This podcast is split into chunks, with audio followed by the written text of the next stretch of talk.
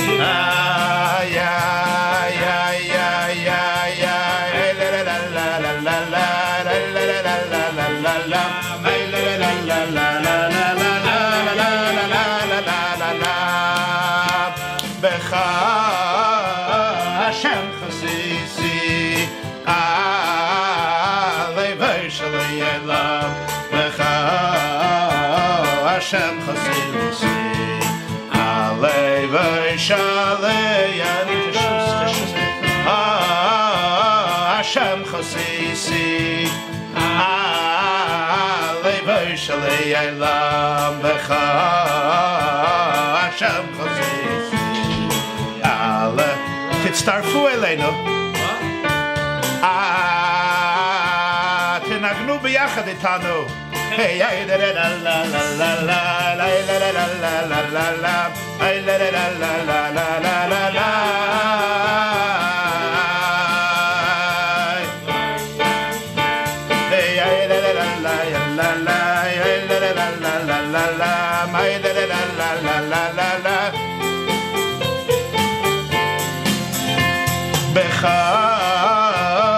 Hashem chasisi. Alevei shali yelav lecha Hashem chasisi. Alevei shali yelav lecha Hashem chasisi. Alevei shali yelav lecha Hashem chasisi.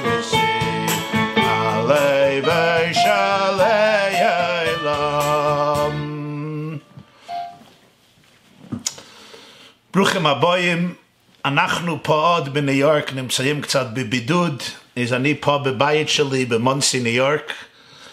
לצידי, ליד ימיני יושב בני בכירי, מנחם מנדל, על הפסנתר, ויהי כנגן המנגן, ותהי עליו רוח השם. אז ברוכים הבאים לכולכם.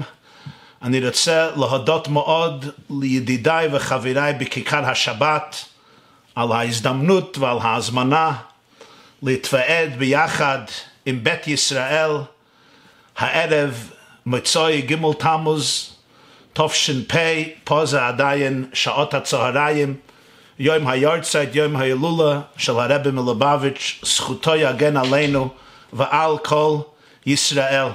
נו, בוא נתחמם אולי עם עוד ניגון, בוא נתחמם עם עוד ניגון. בסדר.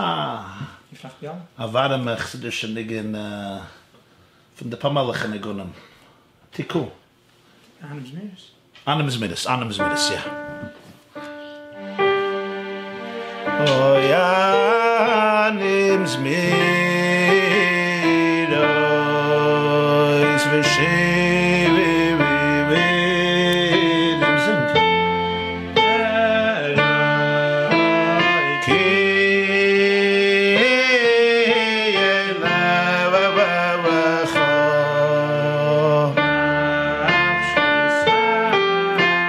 mama.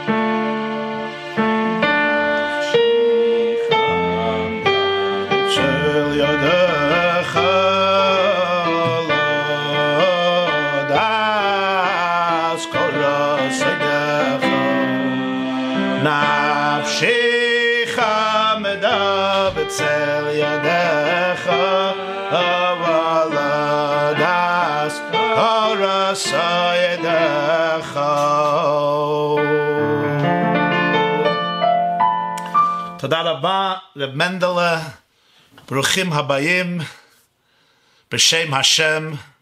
תודה עוד הפעם לכיכר השבת על, הכנס, על הכנסת אורחים וההזדמנות הגדולה הזו.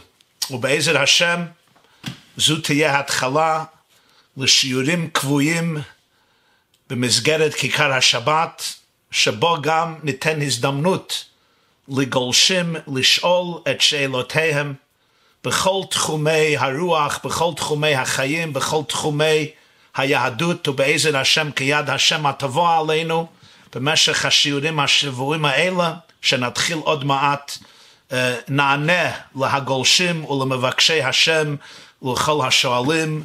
אז בימים ובשבועות הקרובים נכריז על השיעורים הקבועים שנתחיל בלי נדר בעזרת השם יזברך בכיכר השבת.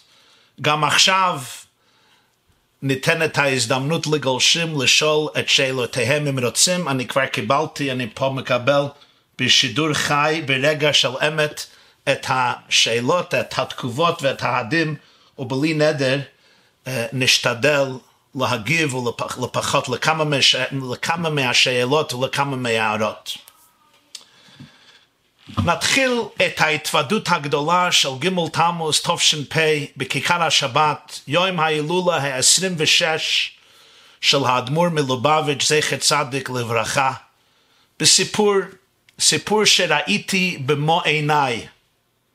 ראיתי את זה במו עיניי, לא מכלי שני ולא מכלי שלישי, לא שמעתי את זה מכלי רביעי החמישי, לא קראתי על זה, לא בספר ולא בעיתון ולא באתר. ראיתי את זה במו עיניי, אבל משמעות הסיפור למדתי רק כעבור 25 שנה. וזה דבר הסיפור. זה היה בליל שמחת תורה, או בליל שמיני עצרת, תש"ן. אני הייתי בחור, אני חושב בחור בן 16, בישיבה. גדלתי בברוקלין, ניו יורק, בקרון הייטס, בדלת אמותיו. של הרבי מלובביץ' בעל ההילולה, ובאותו ערב הייתי ב-770 בעיצומם של ההקפות השמחות בדלת אמותיו של הרבי. קשה לתאר במילים את ההקפות הן של שמחת תורה וגם כמנהג הרבה מהחסידים על פי האריזל גם ההקפות של שמיני עצרת. קשה לתאר את השמחה ואת ההסלהבות ואת, ה, אם אפשר להתבטא, את האקסטזה שהלט, הלט, שהיו בעת הריקודים בשמיני עצרת ושמחת תורה. הרב רקד בכל כוחו לשעות ארוכות. בית הכנסת, על פי החוק, מסתם יכול להכיל, מותר להכיל אלפיים, אולי שלוש אלף איש, אני לא חושב יותר. אבל היו אז, בלי גוזמה, כנראה יותר מעשר אלף איש, וזה איש בבית הכנסת של עזרת אנשים, אחר כך היו הנשים, היו טף.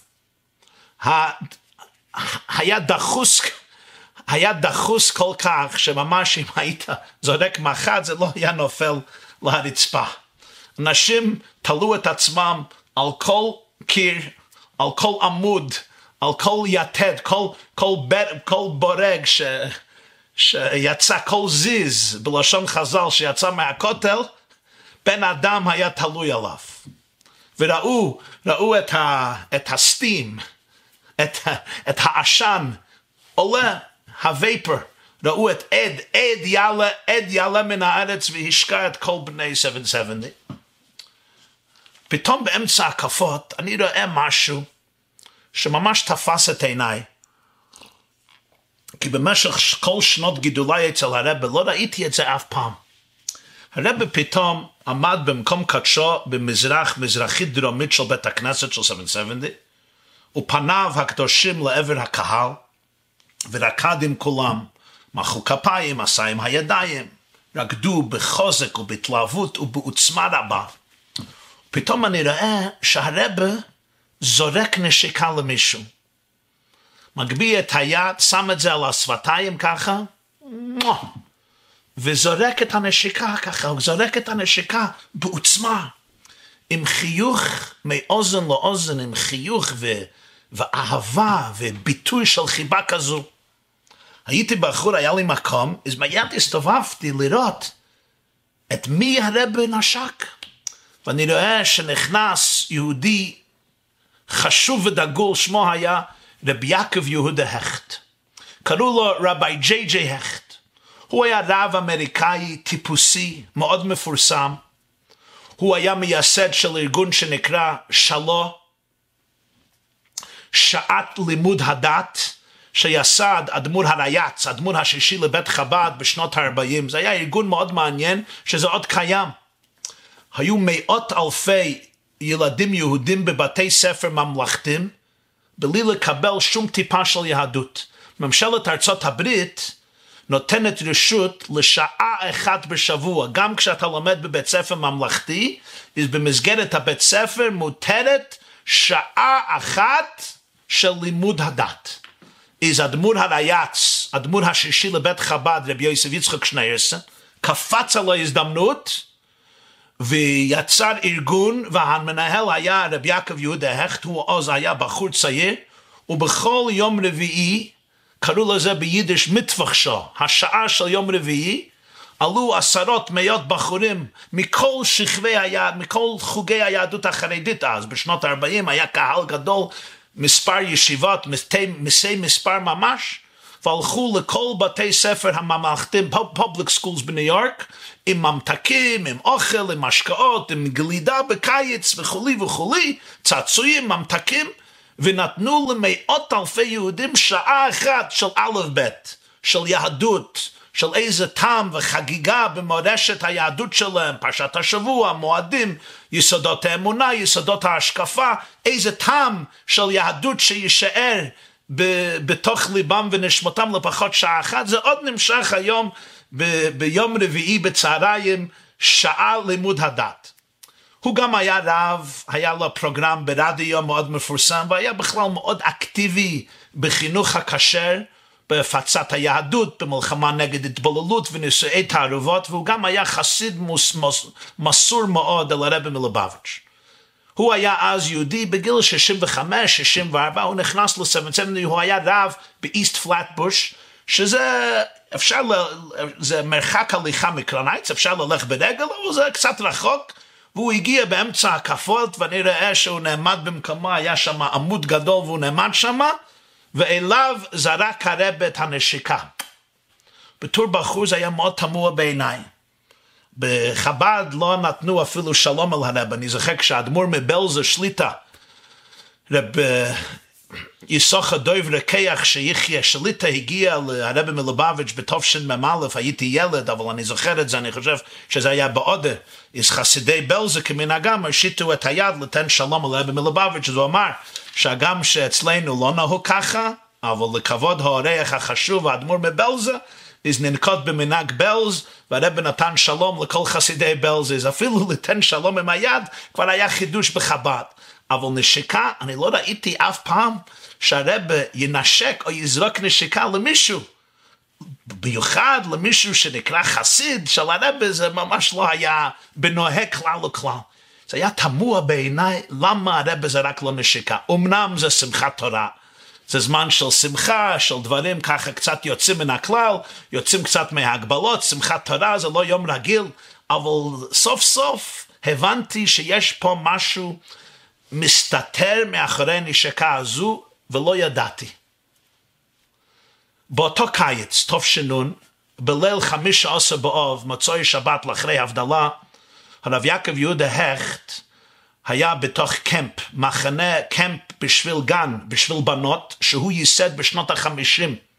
זה היה נקרא קמפ אמונה, מחנה קיץ אמונה, שבמשך עשרות שנים חינכה, חינך, מאות ואלפי בנות יהודיות מכל שכבות היהודים בארצות הברית שהגיעו לשם והקמפ הזה, המחנה קיץ הזה עוד מתנהל בערי הקטסקולס בהרי ניו יורק בהצלחה מופלגה והרב הכט הוא זה שניהל וייסד את המחנה קיץ הזה בשביל מאות ואלפי בנות. במוצאי שבת תסבוב אוב אני חושב שזה היה טוב שנון הרב הכט עשה הבדלה בשביל כל הבנות במחנה קיץ לא הרגיש טוב מעד נפל, היה לו התקף לב, ולא עלינו הוא נפטר במקום ההוא. החזיר את נשמתו ליוצרו בגיל 65. כששמעתי על החדשות העצובות האלה, היה לי פלאש, היה לי בזק במוח, וואו.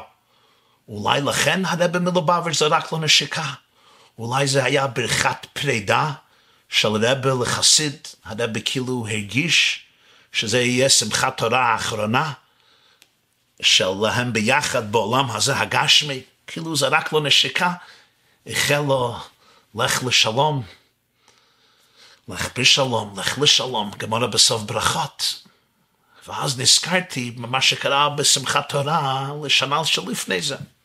בשמחת תורה תשמ"ט, היה יהודי חסיד חב"ד, יהודי חם, חם, לב חם, אוהב, ממש היידיש הארץ, לב יהודי בוער, שמו היה רבי ישראל דוכמן.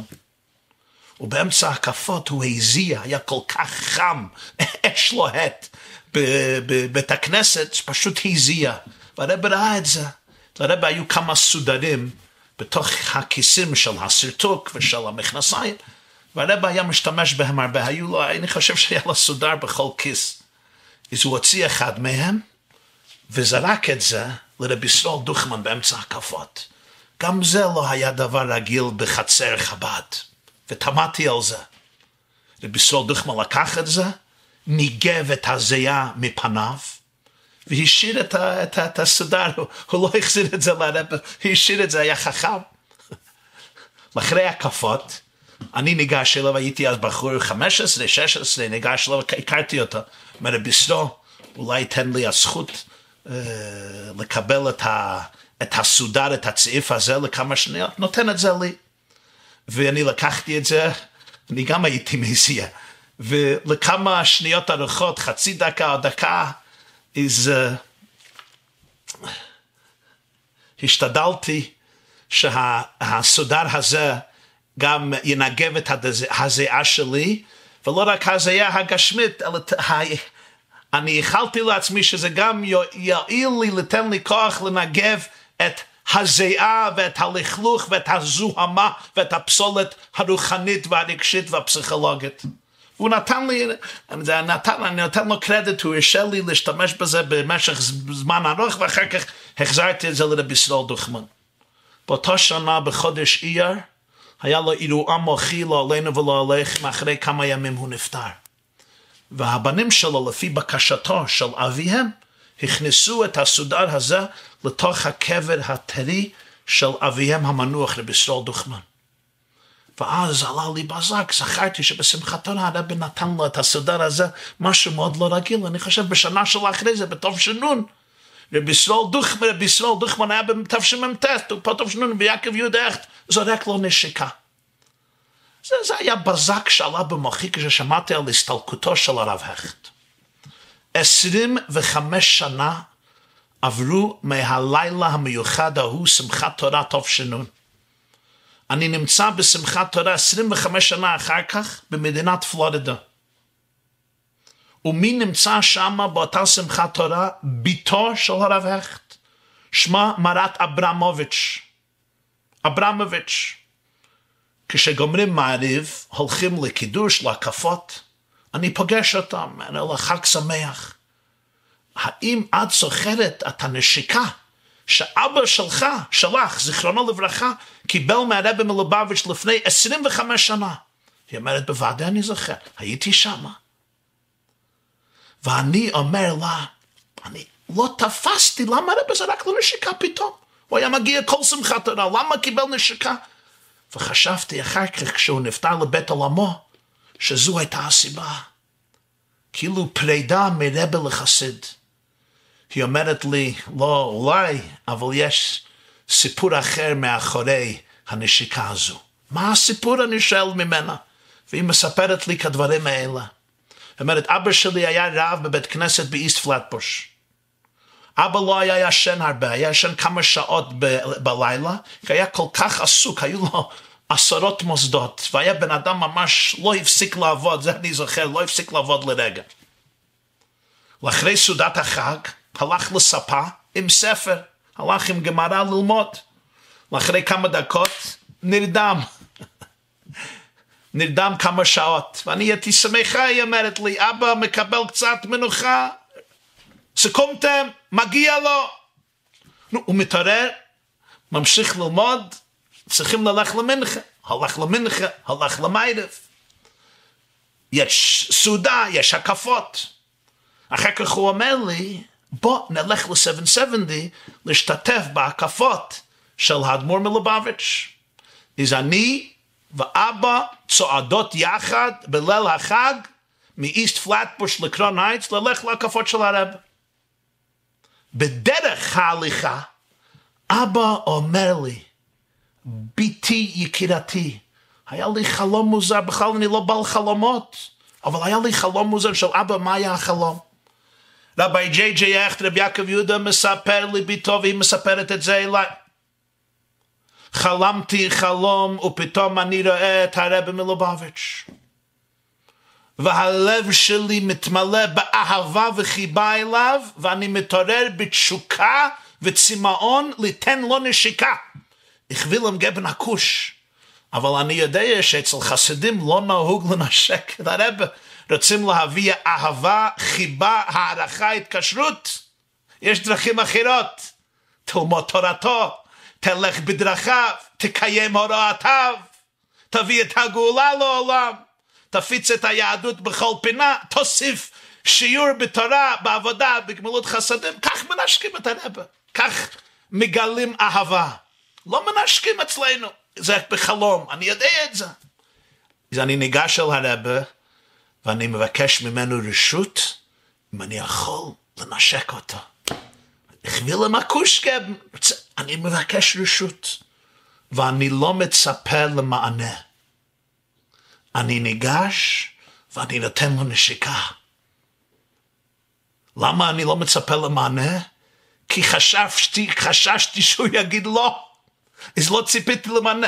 ביקשתי רשות ונתתי נשיקה והתעוררתי.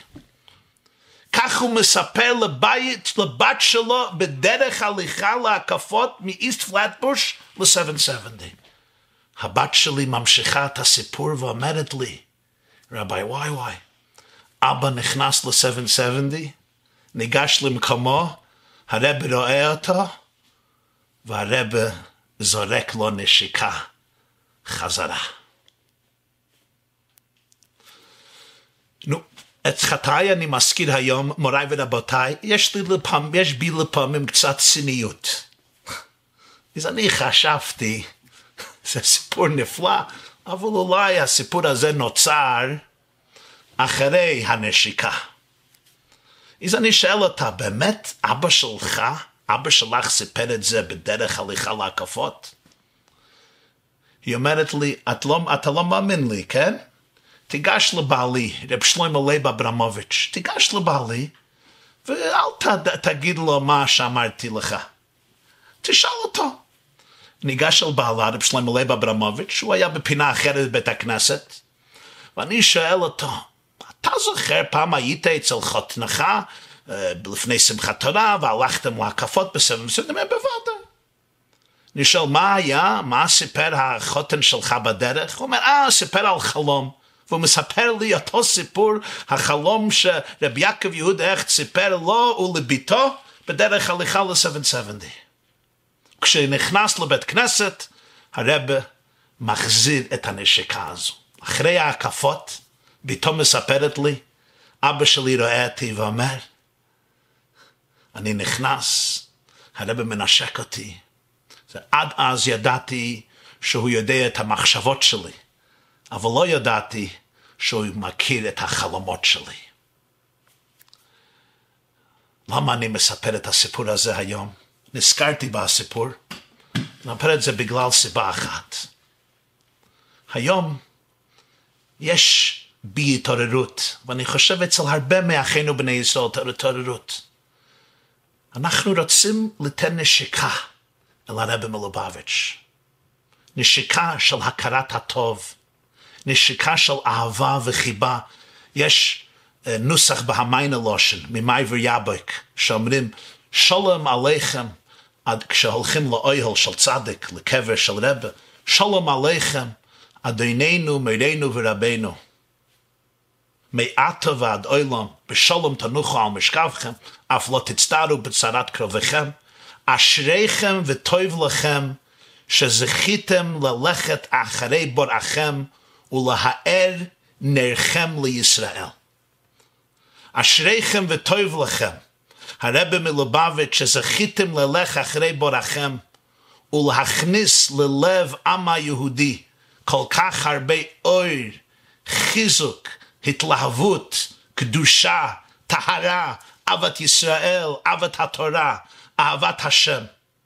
אשריכם שנתתם בתוך כל העולם היהודי כל כך הרבה שפע של תקווה, אמונה, שמחת החיים, דבקות בהשם, דבקות בתורת השם, אחדות ואהבה ושלום ורעות, חיים מלאים של קירוב הדעת, של חיזוק הנשמה, של אחדות כל שכבות האומה והכנת עולם לגאולה שלמה במהרה בימינו. זה יום שרוצים ליתן נשיקה אל המנהיג הגדול, הדגול הזה, זכותו יגן עלינו ועל כל ישראל. איך אומרים בשיר השירים, ישקני מנשיקו את פיהו, כי טויבים דידך מיועין. אומר רש"י שלא עושד לו אבוי, קדוש ברוך הוא יגלה סוי טעמהו ומסתר צפונותיה, זה הנשיקה שבני ישראל מבקשים מאת הקדוש ברוך הוא גילוי סוי טעמהו ומסתר צפונותיה. ותוימר חיים זוכו במשך ימי חייו, הרב גילה כל כך מסוי טעמהו ומסתר צפונותיה, עומק התורה, נשמת התורה, פנימיות התורה, המיזוג והחיבור של גופה דיירייסה ונשמוסה דיירייסה. וביום הזה, כשהאור של צדיק, ביום ההילול האור של צדיק, פועל ישועות בקרב הארץ, וזה יום של התקשרות גדולה אל האור של הצדיק, האור האלוקי שכל צדיק מכניס לעולם, אז אני מאחל לנו, לכולכם ולכל בית ישראל, שנזכה באמת לגלם את האור הגדול של הצדיק הגדול הזה בחיינו, למלאות את הארץ דיה את השם כמים ליום מכסים במהרה בימינו אמן. בוא ננגן ניגון. לחיים. אחלה מכם. ha? Achle le kemia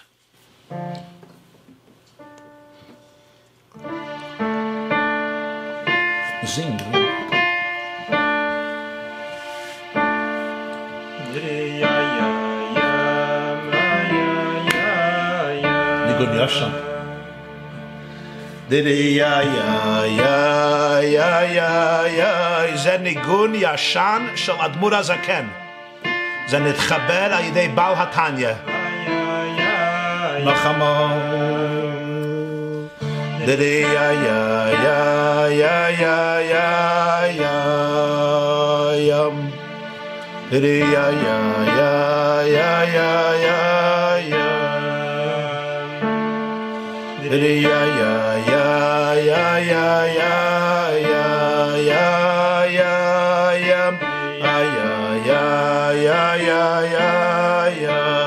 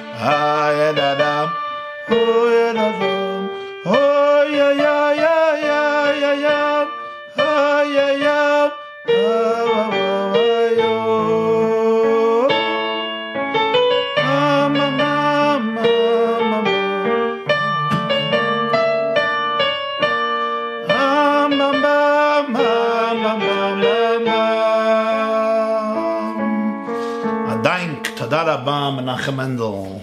Yeah. Yifrach b'yomov. Yifrach b'yomov tzaddik.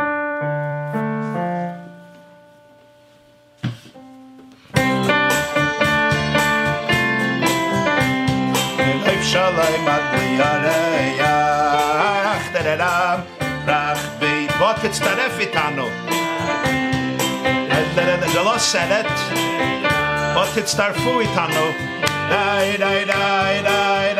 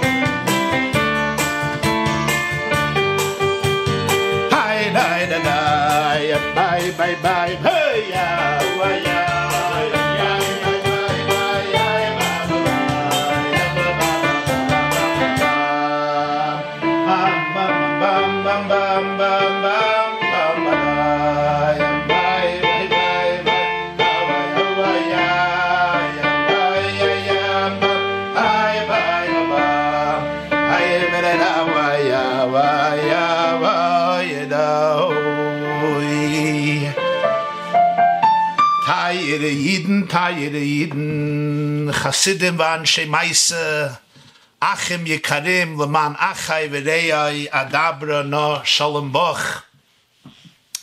אני רוצה לספר לכם המילים האחרונות שזכיתי לשמוע מהרבי מלובביץ'. זה היה באודר ראשון, חבוב אודר ראשון, תשנ"ב. הרבה בשנים האחרונות היה עושה התוועדות כל שבת. ההתוודות הייתה נמשכת לכמה שעות. במשך השנים האלה זכיתי להיות אחד מהחוזרים והרושמים את תורתו של הרבה בשבתות ובימי חג.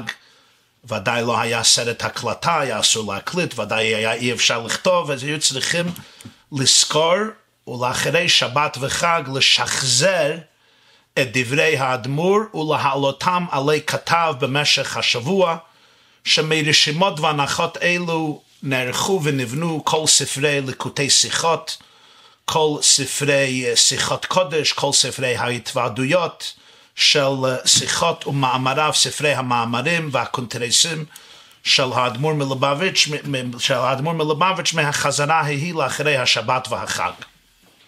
בשבת פרשת ויקל היה כ"ה אדר ראשון תשנ"ב. אני הייתי, הייתי אז בחור ישיבה, אבל עסקתי אז בחזרה וברשימ, בכתיבה ורשימה של שיחותיו של הרבי מדי שבת בשבתו מדי חג. זו לא הייתה עבודה קלה uh, בלשון המעטה. באותו יום ראשון הרבי היה מחלק דולרים בכל יום ראשון לצדקה. והיו עוברים אלפי אלפי יהודים, לפעמים גם לא יהודים להבדיל, אנשים, נשים וטף, לקבל את הדולר המפורסם של הרבה, ברכה, היה נותן לצדקה, לפעמים היו שואלים שאלות. אני הייתי אמור לנסוע באותו יום ראשון בערב, חבוב עוד ראשון תשנ"ב, 92 לארצנו הקדושה, להשתתף בחתונה של בן דוד בבני ברק. אז גם שגדלתי שם, אז לא הלכתי בכל יום ראשון לקבל דולר, אבל חשבתי, אני נוסע נסיעה לארץ, אז כדאי להודיע להרבה לבקש ברכה על הנסיעה. אז נעמדתי בטור, הרבה עמד אז כל היום כולו. אתם צריכים לזכור שזה היה יהודי בן 90, בן 89, עוד כמה שבועות היה יום הולדת, היה אמור להיות יום הולדת שלו, י"א ניסן. היה יהודי אז בן 89, כן, זה היה שנת ה-90. והייתה בשבת, הייתה התוועדות מיוחדת במינה. זוכר, היה פרשת ויקל, ביהודים נפלאים, בכמה סוגיות יסודיות של יהדות, של הלכה, של נגלה, של פלפול, של חסידות, של מחשבה, השקפה, תורת הנפש.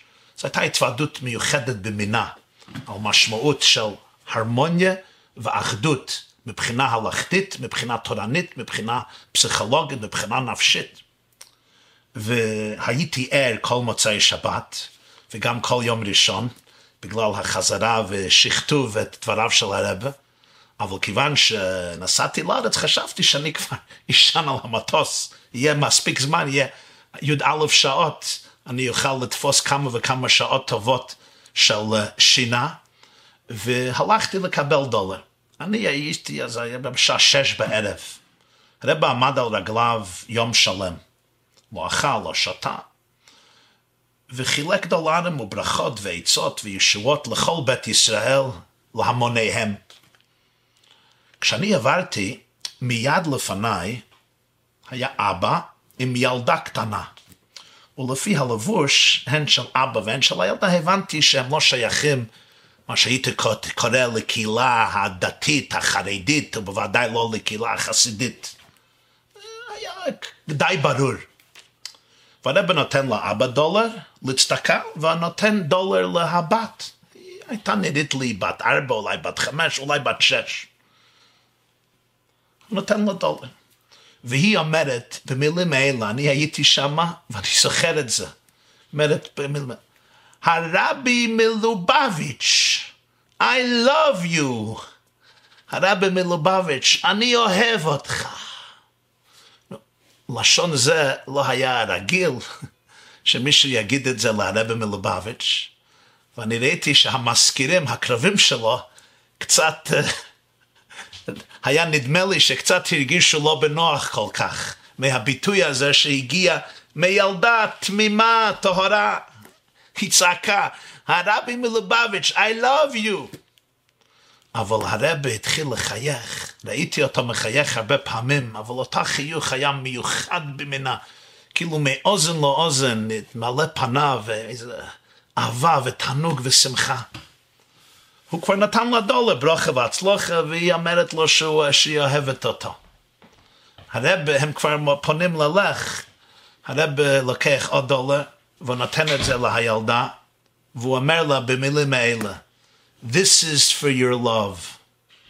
זה בשביל האהבה שלך. הם הולכים, אחר כך מגיע התור שלי, אני הולך, ופתאום כל החיוך מסתלק מעל פניו של הרבה, היה רציני מאוד. המזכיר שלו, רב לייב גרונר, אמר לו שאני נוסע באותו ערב בטיסה לארצנו הקדושה, הוא נתן לי דולר אחד ואמר לי ברכה והצלחה, אחר כך נתן לי, העניק לי דולר שני, דולר, דולר שני ואמר לי, אפגעבן אויף צדקה אין ארץ הקודש. והלכתי וזו היו המילים האחרונות ששמעתי מהרבה שלי, כי ביום לאחרי זה, ביום שני, כ"ז עד ראשון, הרב הלך להתפלל כמנהגו בכל שבוע, באוהל, בציון הקדוש של חותנו, האדמו"ר רבי יוסף יצחק, האדמו"ר השישי לבית חב"ד, שנפסתלק לבית עולמו בי' שבט תש"י, ובעת שהותו שמה על הציון של חותנו, אז הרב קיבל סטרוק, אירוע מוחי, ביום שני בערב, וזה היה אירוע מוחי רציני, ולאחרי שנתיים, בגימל תמוז תשנ"ד, נסתלק לבית עולמו. אלה היו המילים האחרונות של הרב ששמעתי. This is for your love. זה בשביל האהבה שלך. שלך. For your love, שלך. בשביל האהבה שלך. ונזכרתי אז בעוד סיפור שסיפר לי החסיד שזה קרה איתו. יש יהודי, הוא גר בברוקלין, חבר ועד להפצות שיחות, שמו הוא רב זלמן חנן, רב שני זלמן חנן. הרב קיבל המון דואר בכל יום, המון. וזה לא היה אימייל, זה היה דואר, דואר רציני. כן, אתם זוכרים דואר? אני זוכר הדבר, ככה אומרים, הדבר, בדרך כלל אני מדבר לקהל, אז הם מתקנים אותי על כל המילים שאני לא אומר נכון, אבל עכשיו אני בבידוד פה, אז תסלחו לי על כל הטעויות שלי, בגלל שסוף סוף אני אמריקאי והעברית שלי מגיעה מקריאה, לא משיחה שוטפת כל כך, כי גדלתי בארצות הברית. אז במילא תסלחו לי על כל הטעויות שלי, הן בדקדוק והן בהברה וכולי. הדואר היה מגיע ל-770 כל יום עם שקים מלאים מכתבים. לפעמים שלושה שקים ענקים או ארבעה שקים. לפי השערתי היו שם בין 300 ו-600 מכתבים בכל יום, וזה כולל יום השבת. רב לייבל גרונר, מזכירו של הרבה שנפטר השתא בערב פסח מנגיף הקורונה, רב יהודה לייב גרונר, זיכרונו לברכה, סיפר לי שהרבה אסר על שום מזכיר לפתוח מעטפה במשך רוב השנים.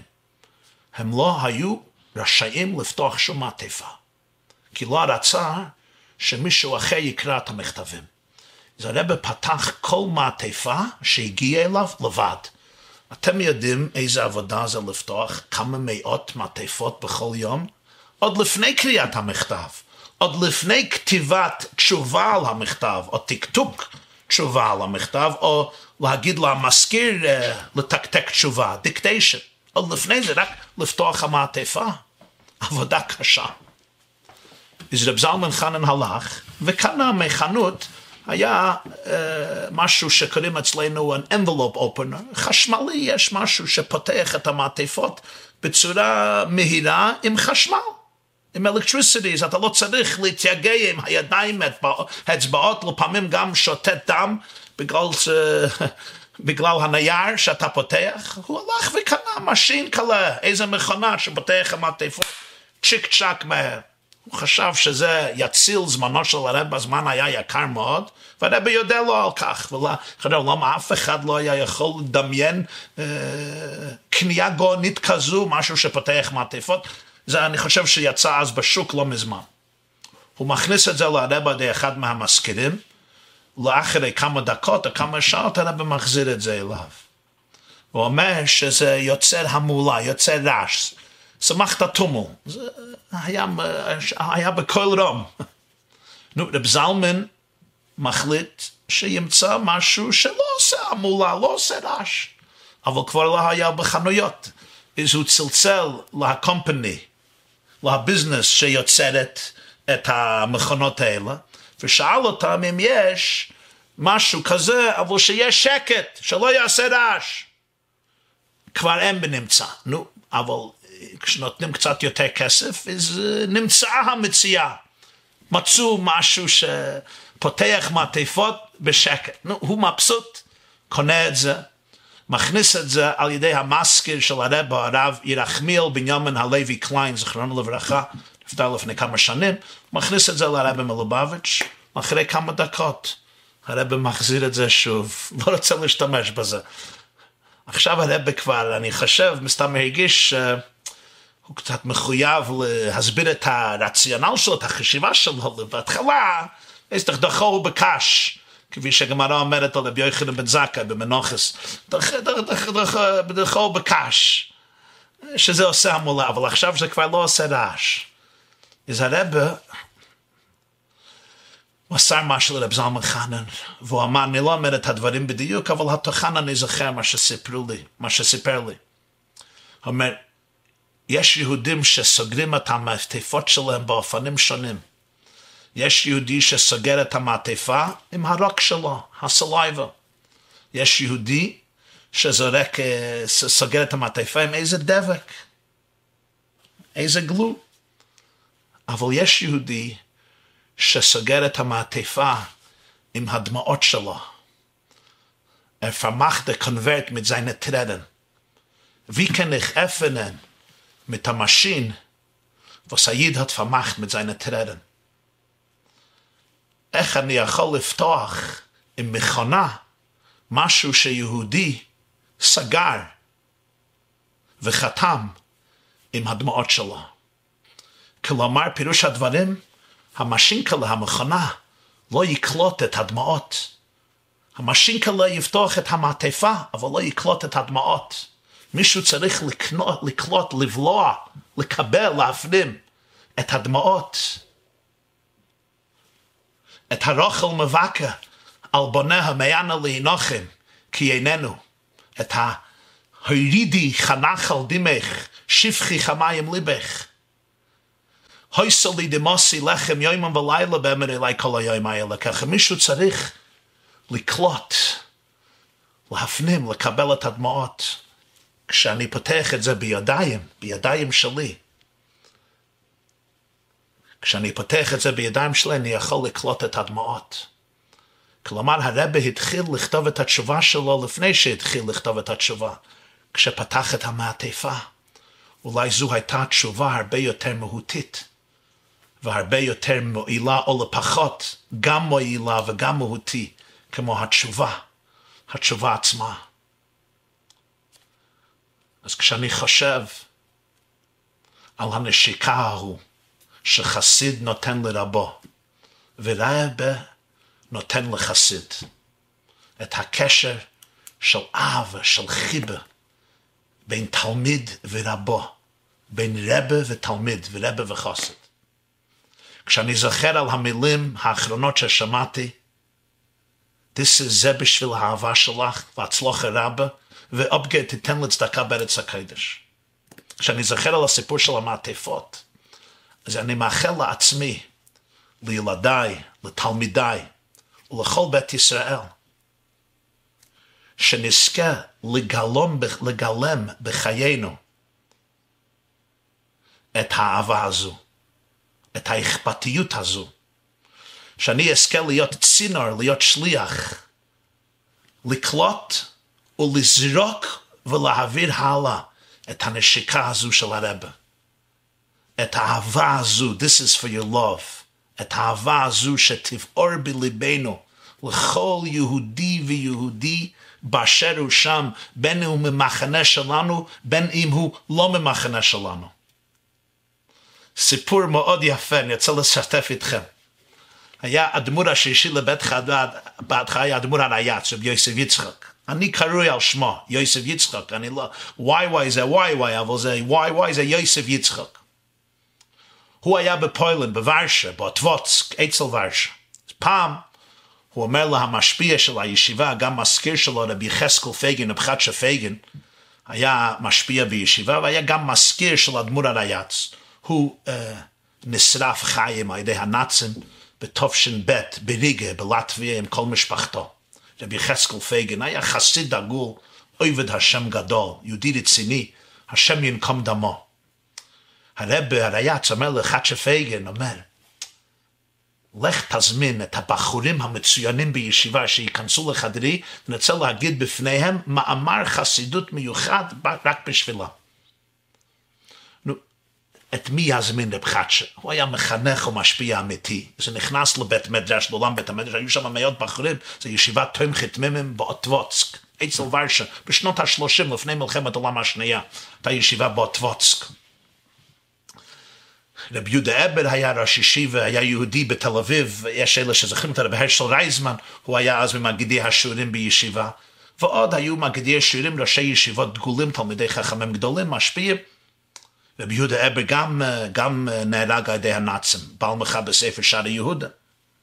בכל אופן, רב חדשה פייגן, אומר לאחד מהבחורים שהיה ככה, אני לא יודע להגיד ינט, אבל יש כאלה שאומרים משהו להם וזה מיד מסתובב לכל העולם. זה עוד לפני עידן הוואטסאפ, כן? היו אלה שהם גילמו את בחינת וואטסאפ. אמרת משהו להם וזה מיד, uh, השמועה התפשטה חשמהם. אז הוא אומר, בקול שאחד מהבחורים האלה ישמעו שהחדר של הרב פתוח לבחורים.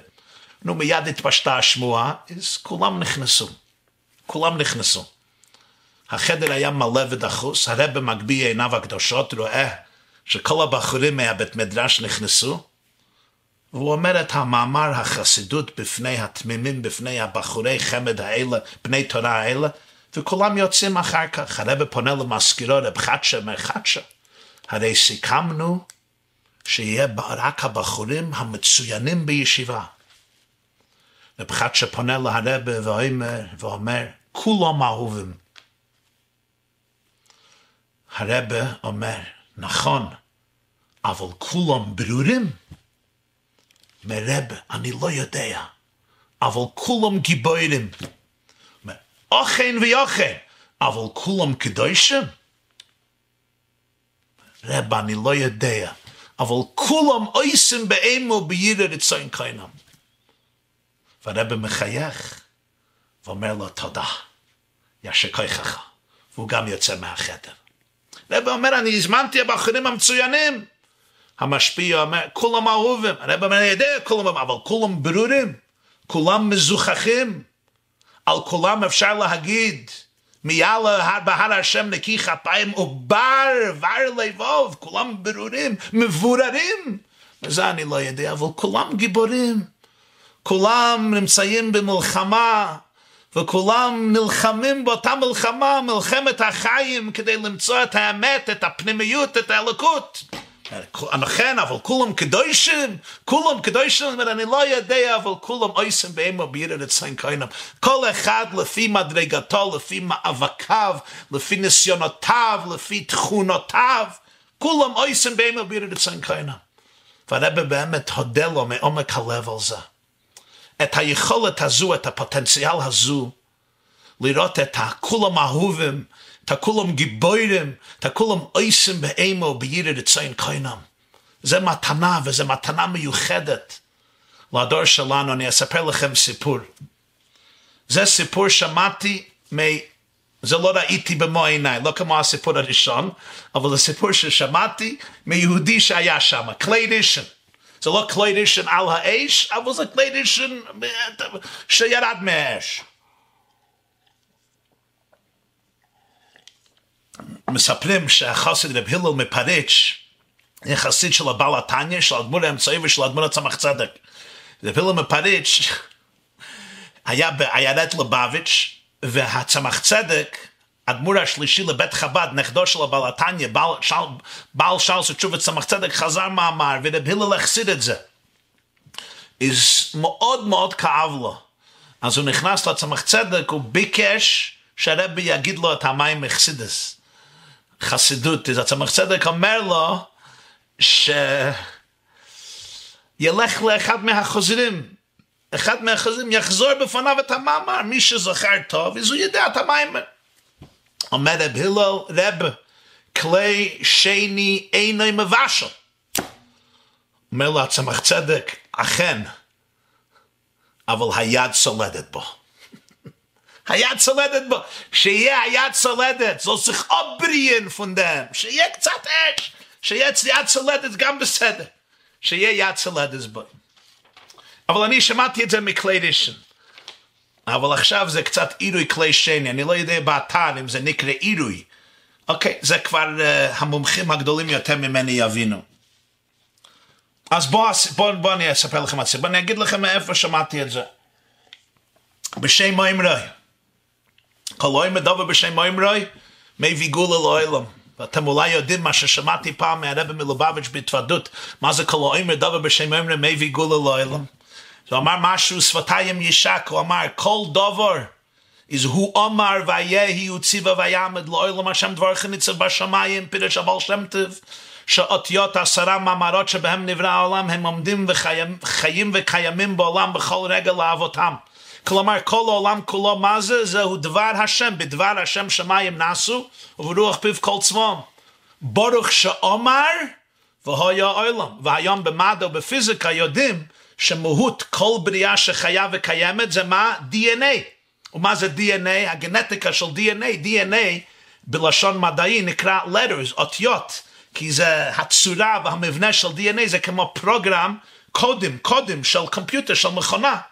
אז כל הבריאה, ממש, כל הבריאה האורגנית שחיה וקיימת, זה מאותיות. זה, והמהות של ה-DNA, הפנימיות של ה-DNA זה דבר השם. עשור הממודס נברא העולם, ריש ל"א צירופים פונים ואחר, כמבואר בשער הייחוד והאמונה של רבנו הגדול בעל התניא זכותו יגן עלינו בספרי נפש החיים ובספרי המהר"ל וכולי וכולי. איך הגעתי ל-DNA? אני שכחתי כבר. You remember what I was talking about? We come to DNA. אה, אה, אה. אומר הרב מלובביץ' בלילה, כל האומר דובר בשם אומרו, כשאני לוקח כוס מים. כוס מים פשוט. אני זוכר הרב אמר, כוס מים, הפושט הכוס וסט. ואני אומר, ברוך אתה השם אלוקינו מלך העולם, שהכל ניו בדבורה. זה אומר דובר בשם אומרי. כלומר, כל דבר בחיים, לא רק דובר מלשון דיבור, כל דבר, כל חפצה, כל דבר בחיים, אני אומר את זה בשם אומרי. אני מגלה את הברוך שאומר והויה אוהלה. אני מגלה שיש מישהו שאומר את זה, שמהווה את זה, שמחיה את זה, שמקיים את זה, שהפנימיות של כל דבר זה אלוקות אין עוד מלבד ממש. כל האומר דובר בשם אומרי. כשאני לוקח כל דבר, אני מתייחס לכל דבר ואני מגלה בו את השם אומרי, את הברוך שאומר ואוי העולם. את הוויומר אלוקים בעשרה במודס נברא. אז מה אני פועל? מביא גאולה לעולם. גמרא בפסוחים אומר שעולם זה מלושן הלם. אוילם מלושן הלם והסתר. מביא גאולה לאוילם, הוא גואל את העולם מההלם והסתר שלו, כי הוא מגלה שהעולם זה עולם טוב, העולם זה עולם אלוקי, העולם זה מלא חיות בכל רגע ורגע, מביא גאולה לאוילם. זה הפירוש מביא גאולה לאוילם. הוא גואל את העולם מההלם והסתר שלו. וזה לא, אין עניין יוצא מדי פשוט, אין מקרה יוצא מדי פשוט, הגמרא אומרת במסכת שבת. אז יש יהודי, הוא רב בשיקגו, במדינת אילונו בארצות הברית, שמו הרב לוי בוקט. הוא סיפר את הסיפור הזה, זה היה בהישיינה רבה, תוף שין, הישיינה רבה היה צריך להיות, לא הישיינה רבה, כן, היה, מתי זה היה לפני הקופס?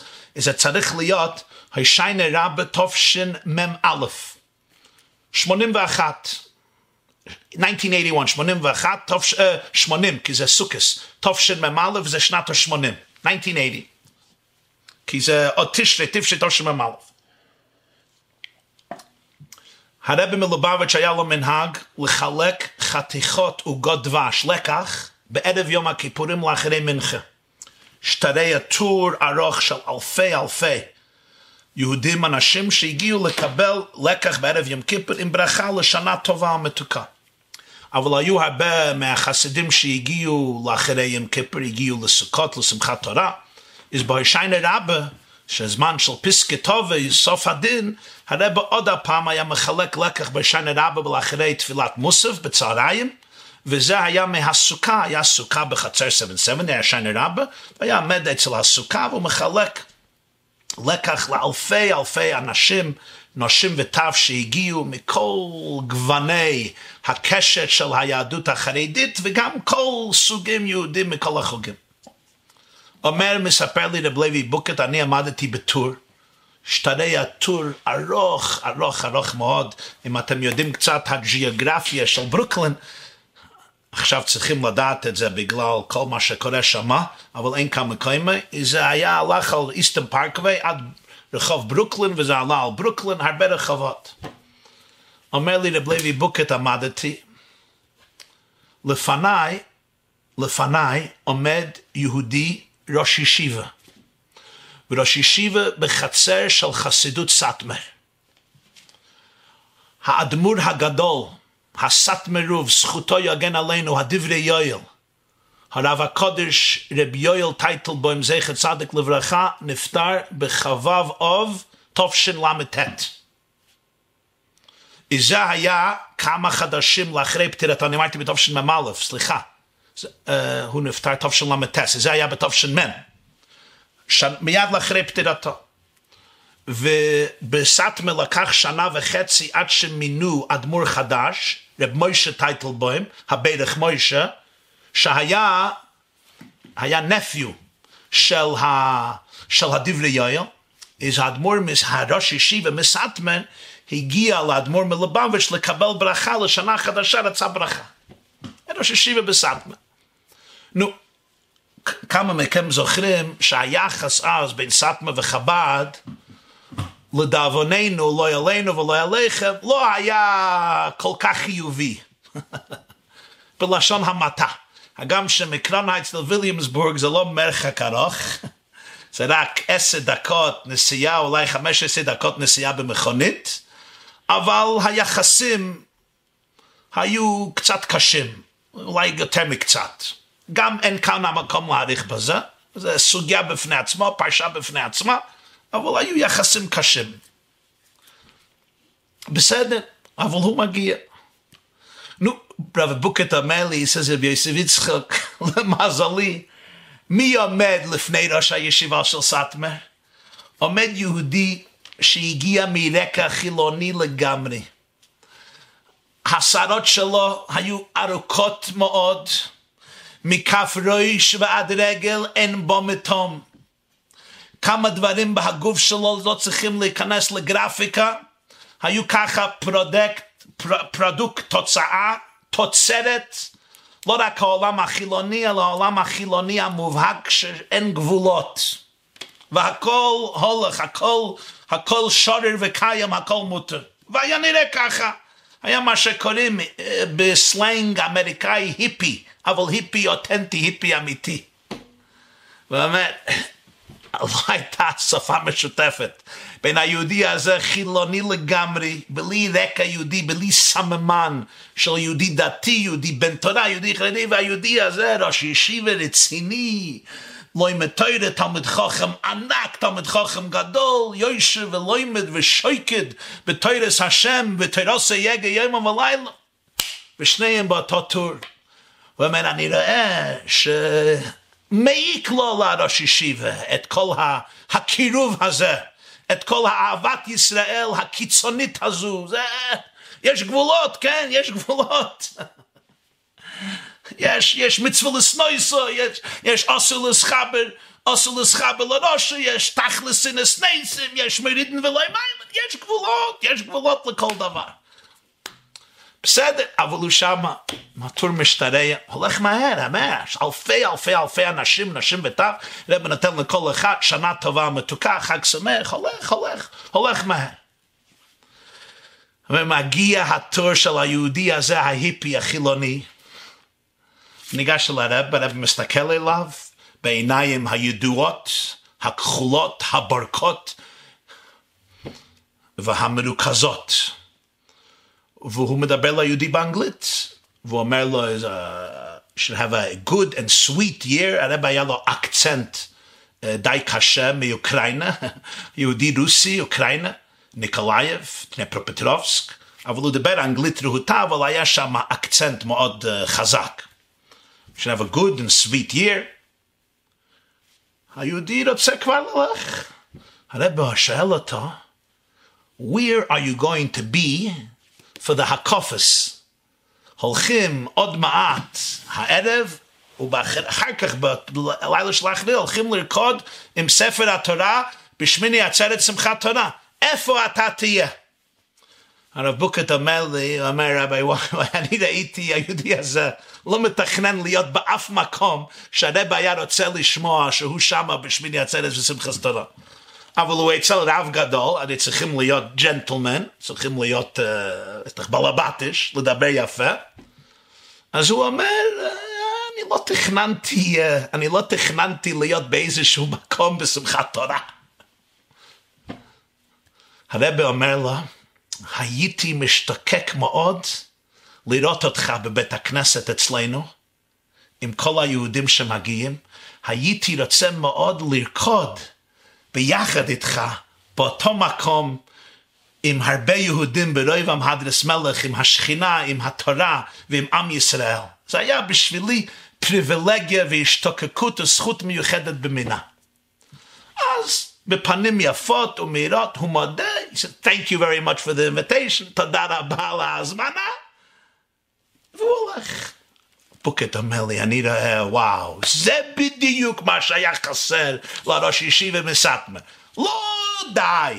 שהרבא מסתכל על היהודי הזה, לא די שנותן לו עוגה, לא די שמברך אותו, לא די שמקבל אותו במאור פנים, אלא הוא מחשיב את זה לזכות שהיהודי הזה, פוישי הישראל, ריקן שבוך, ריקונן שבוך, זה מחשיב את זה לפריבילגיה, שהוא יבוא ישתתף בהקפות שלו. הזויס נמי, בונך חוטא, אלה הבנים שלך, אלה התלמידים שלך. ככה רב בוקט אומר לי, הוא רואה, רואים לפעמים מחשבות מתרוצצות במוחו של מישהו שמשהו מעיק לו. בסדר. והראש ישיבה החשוב הזה ניגש אל הרבי מלובביץ', ובמאור פנים הרבי נותן לו חתיכת עוגה. מברך אותו עכשיו, זה כבר ביידיש עסיסית, ליטאית, רוסית, היידיש הרציני, האמיתית של הרבי, דיבר יידיש ככה אמיתית, יידיש ליטאית, ליטביש, רוסית של יידיש. ונותן לו ברכה, שנה טוב ומסוכה.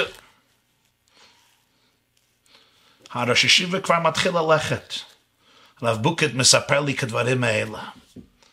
אומר הרב פונה אליו ואומר לו במילים האלה, איזה הייתה סטמר החסיד? כבודו הוא חסיד סטמר? הוא אומר, יו, יו, יו, כן, כן. הרב אומר, ישמח מוישה לערנט איר? כבודו לומד הספר ישמח מוישה. אולי יש מניין פה שמסתכל על ההתוועדות ולא יודע מה זה ישמח מוישה. אז ישמח מוישה לסטמר זה מה שחידושי הגרי"ז stencils זה לבריסקה. זה מה שהשפת אמת לחסיד גור אמיתי. זה מה שהתניא לחסיד חב"ד. ישמח מוישה זה לסטמר. ישמח מוישה נכתב על ידי הרב הצדיק האדמו"ר מוישה טייטלבוים. זכותו יגן עלינו. היה רבו של אוהל, אוהל, אוהל באונגרן, וישמח מוישה, יש לי פה הספר ישמח מוישה על החומש. ספר יפה מאוד. של ישמח מוישה. אז הוא שואל אותה, אתה חסיד סאטמר? אומר, כן. ישמח מוישה לרנטי? הוא אומר, ודאי אני לומד ישמח מוישה. את ההקדמה שלו לפירושו על התהילים, תהילה למוישה, כבודו זוכר? אומר לרב, למדתי את זה. את הסיפור עם רב מיכל זלוטשווה, כבודו זוכר? אז הוא לא זכר את הסיפור. אז הרב נעמד לספר בו ישיינה רב תש"מ. ממתינים אלפי יהודים לקבל עוגת לקח וברכה, מספר לראש ישיבה סיפור שמספר הישמח מוישה ששמע מהחויזה מלובלין.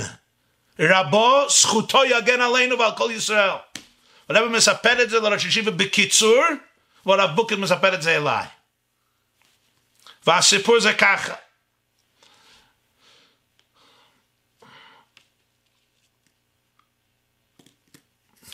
האבא של רב יחיאל מיכל מזלוטשב, המגיד מזלוטשב, תלמידו הגדול של הבעל שם טוב, זכותם יגן עלינו.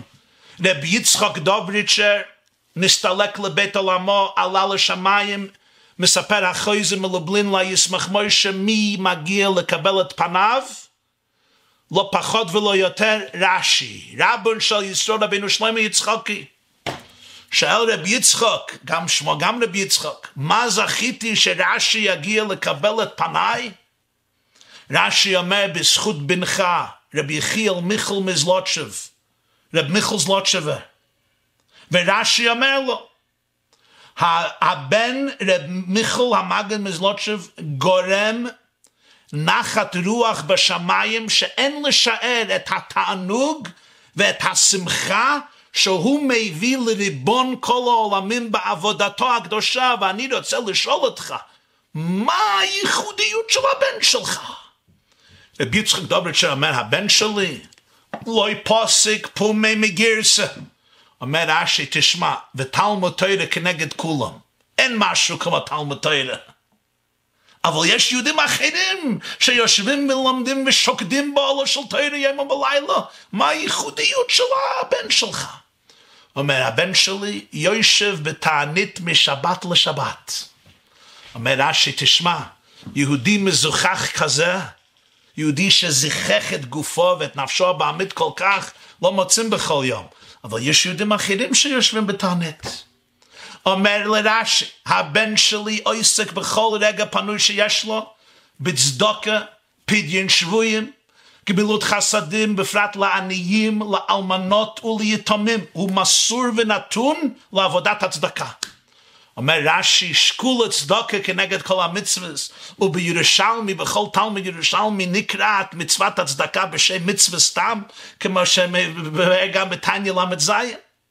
אבל יש יהודים אחרים שנותנים הרבה צדקה והם בעלי צדקה. תגיד לי משהו מיוחד שיש אצל הבן רבי חיל מיכל מזלוט, שזה משהו נדיר, כי אני רואה הרעש בשמיים מעבודתו, אין דוגמתו. אומר רבי יצחק לרש"י הקדוש, שלושה, שלוש מילים, מצטט מהנובי מלאכי, שלוש מילים, ורבים השיב מאובוין. רבי יחיאל מיכל מזלוטשב עוסק להכניס יהודים תחת כנפי השכינה, ורבים הישב מיובי. כששומע רש"י זויס, נתיישבה דעתו. והרבה פונה אל הראש ישיבה מסתמר, והוא אומר בחיוך גדול, נסיישבו דייטוי.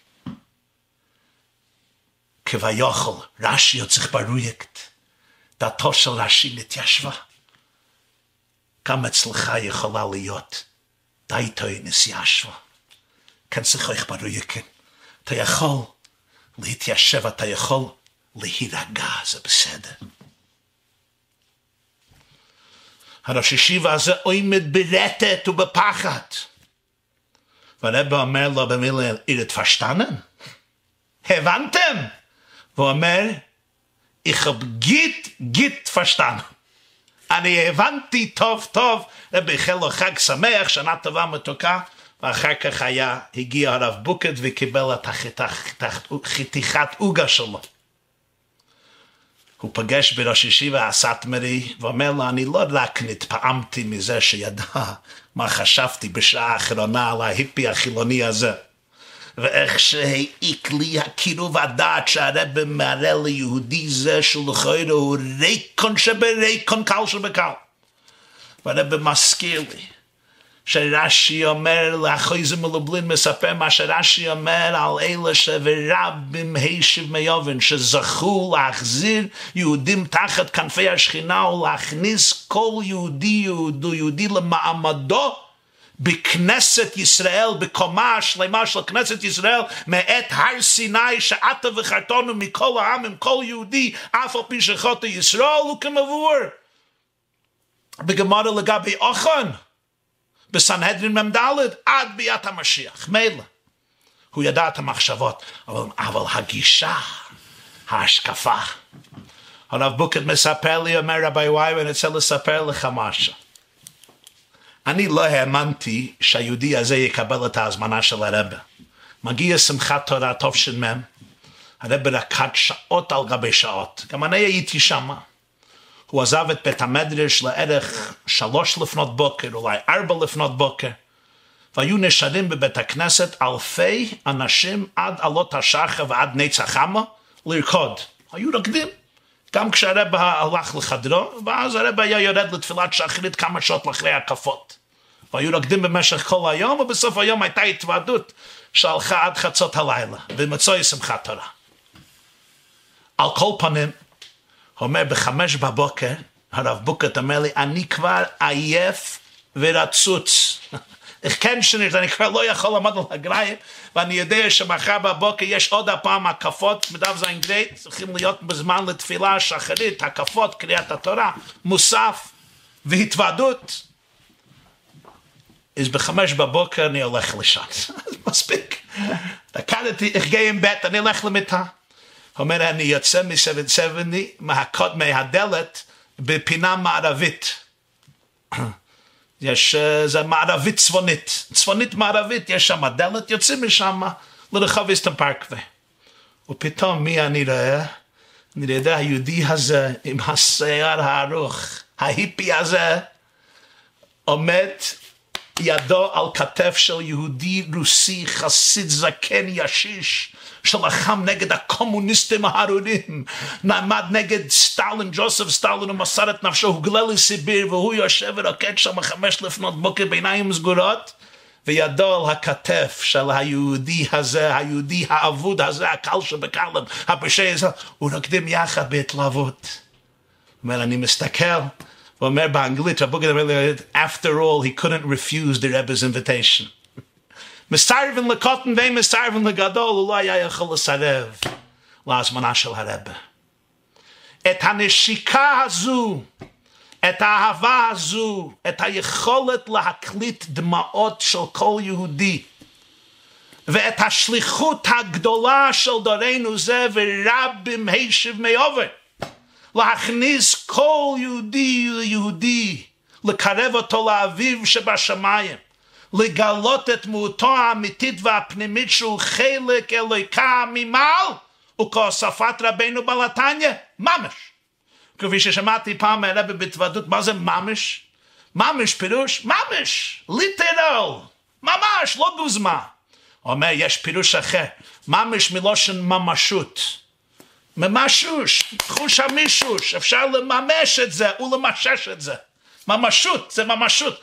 וחלק אלוקה ממעל ממש מפרש אדמו"ר הזקן. כשאתה ממשש בגוף של יהודי, שתדע שהממשות שלו זה חלק אלוקה ממעל, זה לא בדיחה, זה לא עניין מופשט בעולם האצילות. כשיהיה בין 120 לאחרי מות קדושים יהיה אמר. קדש, אחרי, אחרי מות יהיה קדושים אמר. זה ממשות אמיתית, זה דבר רציני, חלק אלוקה ממעל. שנוכל להרגיש בתוך עצמנו ולהתייחס לאחרים בנשיקה זו, באהבה זו, בחיבה ובקירוב זה. לחיים, לחיים ולברכה. סנגן, תיקו בחודש. בוא ננגן ניגון.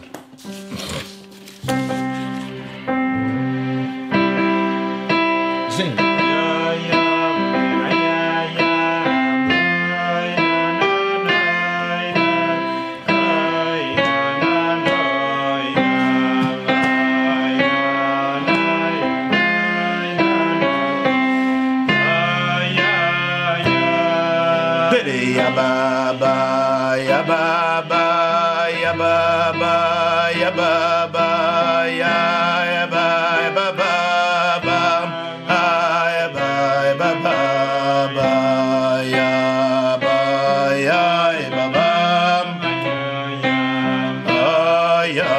Yeah, but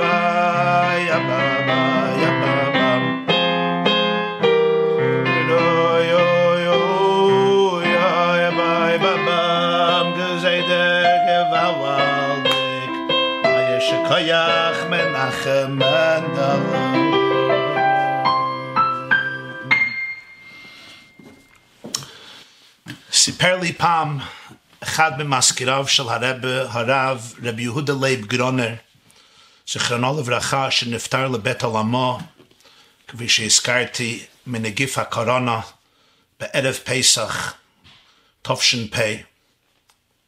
ואני זוכר שבתשנ"ב, אז הרב היה לו קצת איזה מחלה, איזה בעיה בעיניים, וביום אחד הוא נסע לאיזה רופא במנהטן כדי לקבל איזה טיפול, איזה טיפול בעיניים שיוכל לראות.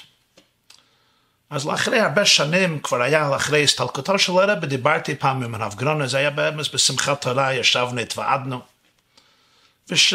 ושאלתי אותו על זה, מה, מה בדיוק קרה, מה אמר הרופא.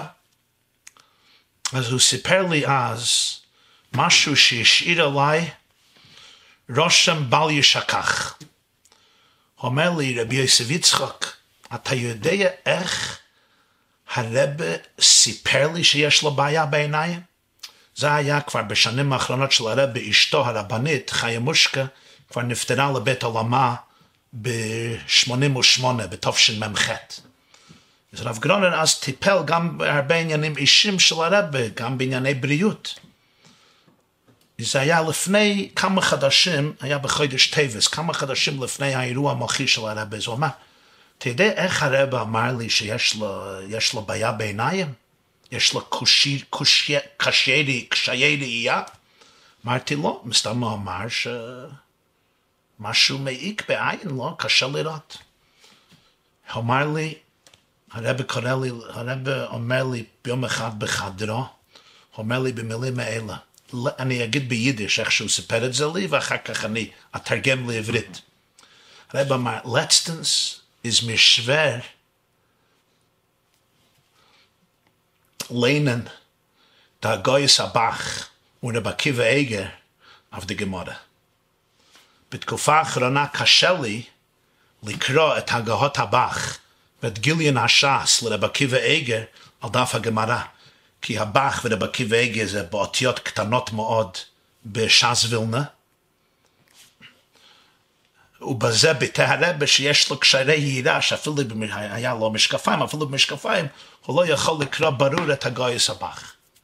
כך הייתה התבטאות שיש לו קשיי ראייה. ואז נזכרתי ששמעתי פעם מהרבה שיש במשנה סוף מסכת קידושין, כתוב, אני נבראתי, נבראתי לשמש את קוני. אבל יש גרסה במלאכת שלוימה למשנייס, וזה גם בכמה כתבי יד של המשנייס, בדקדוקי ספרה, אני לא נבראתי אלא לשמש את קוני. מה החילוק? זה רב הסביר שיש שתי uh, מודעות שונות, יש שתי דרגות חשיבה שונות בחיים. יש, אני נבראתי. מה תכלית הבריאה? תכלית הבריאה זה לשמש את קוני. אני צריך לחשוב, מה, למה נבראתי? מדוע? לאיזה, לאיזה כיוון החיים שלי הולכים? מה היעד? מה, מה התכלית? לשמש קוני. יש מודעות עמוקה יותר. אני לא נבראתי, אלא לשמש עסקייני. כלומר, אין עוד מלבדי. אני לא נבראתי. אני קיים. כל המציאות שלי זה צינור, זה קנדואט, זה דרך, שעל יודוי אני משמש עסקייני. כלומר, הבן אדם רואה את עצמו, כל מציאותו, זה השתפ... השתקפות של אור האלוקי בבריאה. שזה לא מחליש את הבן אדם, להפך. זה לוקח בן אדם קטן ויוצר ממנו דבר שהוא חלק מהאין סוף בכבודי בעצמו. כי כל האני שלו זה עין, זה צינר לגילוי אין סוף בעולם. שלוחי של אדם כמותו. אומר אדמו"ר הזוקם בלכוד התרא ויקרא שלוחי של אדם העליין כמותו. ובשאר תשובס הריבוש, סימן כ"ח אני חושב, קכ"ח אומר, ממש, שלוחי של אדם כמו יסי, ממש. ולככתב לרבי יוסף אנגל כלל על מסביר גימל דרגות בשליחות בהלכה. הדרגה העליונה, שלוחי של אדם כמותו ממש, is הוא שלוחי של אדם העליין שעל הכיסא, is יש בו כוח המשלח. אני לא נבראתי אלא לשמש עסקייני. כי יש שתי, השתק, אני אומר את זה, יש שתי השתקפויות שונות בענווה. מה זה ענווה? איש מוישה עונב מועד מכל אדם אשר על פני האדמה. יש אלה שראו את הדת בתור משהו שמנמיך את הבן אדם. זה משפיל את הבן אדם. אתה כלומניק. אדם יסודי מיופר, סופי לאופר, קאבק פרח וכחלום יוף. קהל חי וקיים. השפלות הזה, שאני ממש כלום, וככל שאני מחשיב את עצמי יותר לכלום, כך אני עובד השם יותר טוב. אבל אצל, אצל הרבה, בבית מדרשו של בעל התניא ותלמידו, החשיבה היה לגמרי אחרת. בדיוק להפך. ענווה אמיתית פירוש שכל כולי הוא צינור להשתקפות של האלוקות בעולם. עבד מלך, מלך. שלוחי של אדם, כמו יסוי ממש. אז מי האני? האני זה התגלמות כשאני, כשאני רואה את האני, לא בתור אני אגואיסטי, אלא כל האני שלי זה השתקפות של אור האלוקי בתוך הבריאה. אז מיום הלא תעשה, אז אין מעצורים, אז אין מניות, אז יש בך כוח ועוצמה ושמחה וחיזוק וביטחון עצמי אין סוף. כי הביטחון העצמי זה לא ביטחון עצמי מופרזת מאיזה דמיונות, ביטחון עצמי שמושרש באמת שאתה ממש חלק אלוקה ממעל ממש, שאתה השתקפות של רצון האלוקי בבריאה. אז ענווה לפי זה מחש, אה, מחזיקה ומחזקת ומכשילה את הבן אדם. לא מכשילה עם חוף, אלא נותן חיזוק ועוצמה לבן אדם כשהוא מבין כל כישרונותיו וכל תכונותיו וכל המהות שלו, הפנימית והחיצונית, מה זה? שלוחו של אדם כמייסה. אז יש בך כוח המשלח ממש בכל רגע ורגע להסתכל על הבריאה בעיניים אלוקיות ולהתייחס לעצמך לזוגתך, לילדיך, לנכדך, לכל בן אדם שאתה בא איתו במגע, ממקום זה, ממצב רוח זה, מהשקפה זו, ממקום זה. אני נזכרתי בזה כשרב לייב אומר לו, שרב אומר לו, הוא אומר לי, יש לי קשיי ראייה. מה פירוש יש לי קשיי ראייה? מה זה ראייה אצל יהודי? איך קען נישט זען רב עקיבא אני לא יכול ללמוד רב עקיבא זה הקושי, זה הקשיי ראייה. הייתה פעם התוועדות. היה שבס פרשת שמיני.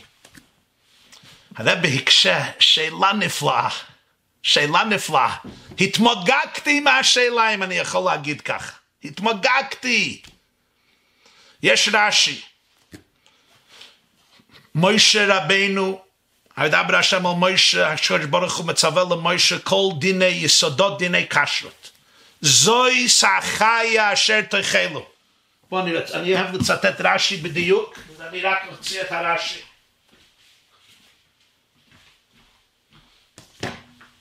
זה פרשת שמיני, אני רק אצטט את זה בפנים.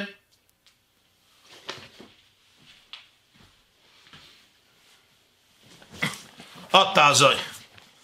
Parshas Shmini, zoi Sachaya.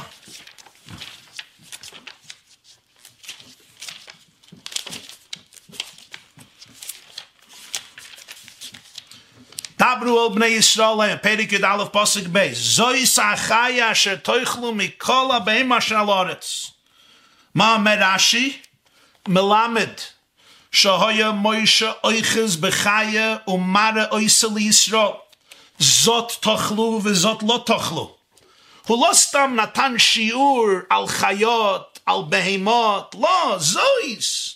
מוישה אויכס בחיה ומרא אויסה לישראל. כי איך אומרים, איך אומרים חז"ל במסכת טיינס, זוי, זה מדבץ בוי ואומר זה, הנה אלוקינו זה, זה כלי וענווהו, זה, זה אומרים על משהו נוכח, נוכח, לא שנוכח.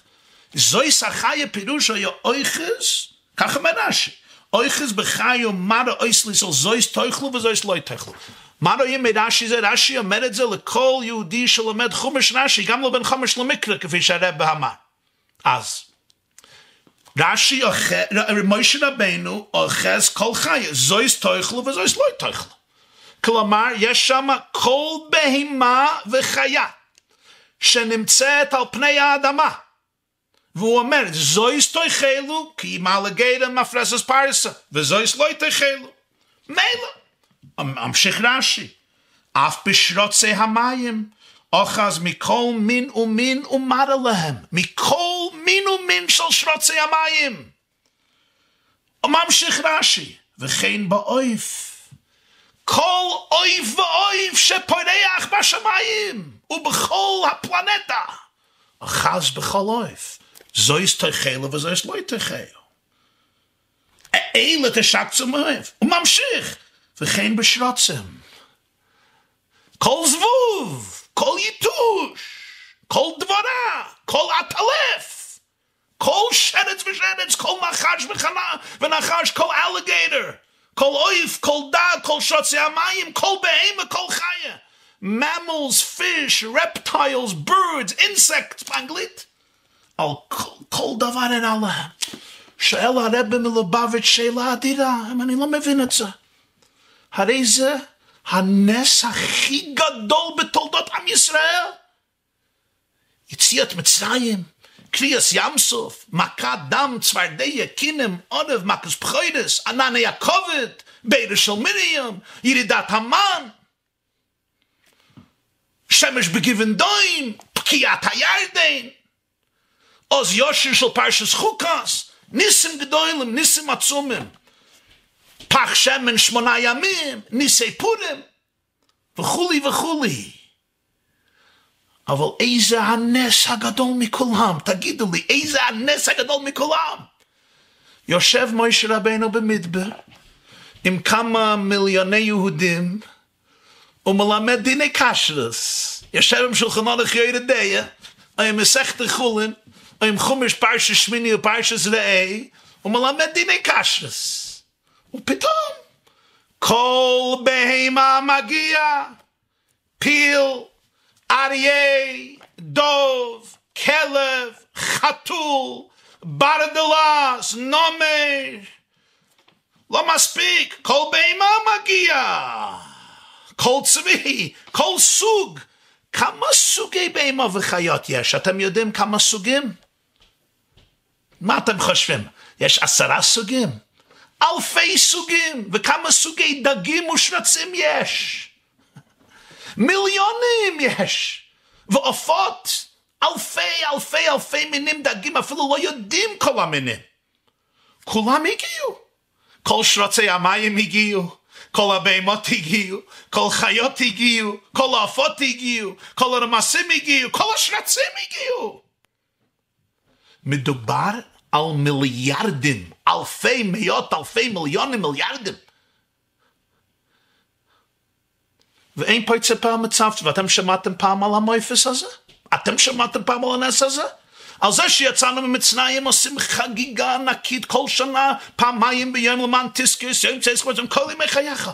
הנס הזה, יש אלה שלמדו את זה ברש"י פרס שמיני, ונשתכחה. כמה יודעים על זה? ואפילו אלה שלמדו את זה, בסדר, יש הצח הדס. שלם במובן שאני לא מבין. הנס הכי גדול. ורש"י אומר את זה ככה בפשיטות. הרב אמר, באדישות, קל בלוטי כהית. לא עושים שום זכר, שום זיכרון, שום חגיגה. ולכאורה זה הפלא הכי גדול שיש בהיסטוריה שלנו, יושב במדבר ומגיע כל רמז, כל חיה, כל בהמה, כל שרץ, כל דג, כל אויף. ואם פה יצפה ומצפצף. למה לא מדברים על זה? למה לא מזכירים את זה? זה מה ששאל. הרב המאז, זה משהו עדין מאוד ועמוק מאוד, ואמר ככה, כל הניסים שקרו לעם ישראל, זה ניסים שקרו בתור ניסים. פה זה מכס דם, וזו פה הפיכת המטה לנחש, ופה זה ירידת המן, ופה זה קריאת ים סוף. כל נס שהתחולל בשעתו ובמקומו בשביל תכלית מסוימת. אומר, הנס הזה הוא נס שונה לגמרי. מוישה רבינו מלמד תוירה לישראל. באמצע השיעור הוא צריך להמחיש. שיעור טוב זה שיעור עם המחשה. זה שיעור שרואים בעיניים, לא רק שומעים באוזניים, וכל העם רואים את הקולות. שיעור צריכים לראות, לא רק לשמוע. זה באמצע השיעור, צריכים להמחיש את השיעור. מוישה רבינו רוצה להסביר מה זה מפריס פרסה, מה זה מיילה גדה, מה זה סנפיר, מה זה קסקסס, מה זה עוף דורס, מה זה רגליים היתרים, הוא צריך להסביר סימני כשרות. צריך להסביר מה זה זאת תאכלו, זאת לא תאכלו, זאת החיה. נו במילא, אומר הרב, בראשית, אומר רש"י, בראשית ברא אלוקים ואת הארץ, בשביל התורה שנקראת ראשית ובשביל ישראל שנקראו ראשית. כל העולם נברא בשביל התורה בשביל ישראל. Ra'iti b'chi b'chidushe reb meir salavetshik z'chano levracha ben ha-griz ratzal. Is yesh lo chidushe mal sefer bereshit sh'yatsu b'shanem ha-chronot reb meir ben. בן הגאון רב יצחק זאב הלוי סולובייצ'יק, אז ראיתי שהוא מצטט שם בבראשית בשם אבא שלו, אני חושב בשם רב חיים מבריסק, שהוא אמר ביידיש, so noch nicht reingehackt geworden hat Schwach in der Welt, was ist nicht בשביל התורה בשביל ישראל. עוד לא נכנס יתד אחד לנקב בשום מקום בפלנטה, יתד לא נכנס לנקב בשום מקום בפלנטה, שתכלית שלו זה לא באיזשהו אופן בשביל התורה בשביל ישראל. כל העולם זה בשביל התורה. אומר, אז מה הפלא? אז wenn מוישה לרן תורה, כשמוישה מגל התורה של השם, כל העולם מסתובב תחת ציר זה. כל העולם מסתובב תחת ציר התורה. העולם זה בשביל התורה. אז מה הפלא? שכל שרץ מרגיש, מוישה מעשה תורה, אני נבראתי בשביל השיעור הזה. אני נבראתי כדי שיתגלה מה ההלכה בשרץ זה, או מה ההלכה באויב זה, או ברמז זה, או בדוג זה, או בהמה זו, בחיה זו. על זה נבראתי. אז ודאי שבאים להמחיש את השיעור. זה הדין אין דה שיעור, זה הדין אין דה תורה. והרב אומר עוד יותר, ולגבי מיילוס התורה, הנס שבזה לא יתפס מוקם. בסויטה, זמידס היו לי חוקיך בבייס מגורי. אומר לה הקדוש ברוך הוא, זמידות כרתלו. אני מעניש אותך בדבר שאפילו תינוקות של בית רבן יודעים, ועבודת עליהם בכסף, בכתף יישאו, שהאורן לא שמים בעגלה. דוד נכשל בשכחה, שאל בעל התניא והצמח צדק בדרך מצווסך ובלוקות התרא. מה הקשר? הארון זה בעגלה ולא בכתף יישאו, בידיים, אז לכן מה? לכן הוא נבנש בשכחה? כיוון שהוא אמר זמידס קודס לו, דוד זמידס קודס לו. מה הקשר? מידה כנגד מידה. אומר, דוד זמר את התורה, הוא, הוא עשה מהתורה זמידס. זה האחריים של התורה. הנקודה של התורה היא שזה עצמות אין סוף ברוך הוא, זה חכמתו של הקדוש ברוך הוא שלמעלה מהכל, למעלה מהעולם גם. וכל העולם תופל לגבי התורה. אז דוד תפס כביכול באחריים, בתועלת צדדית של התורה, שזה גם עניין של זמירס. והארון היו צריכים לישא פונים בפונים, כן? הלווים היו צריכים לידיהם. אלה שאחזו בדי הארון היו צריכים להסתכל אחד על השני שלא יהיה אחראים לארון כי זה פונים בפונים דיבר השם עמכם. האד ניקל פונם ווא אחר משנערט דעם בנסה יוימ דעם ביז א חוקק מאייב לייב רמנב סאמח בנסה יוימ מסחס מגילה כי זא בכינס פונם אפנימ יוט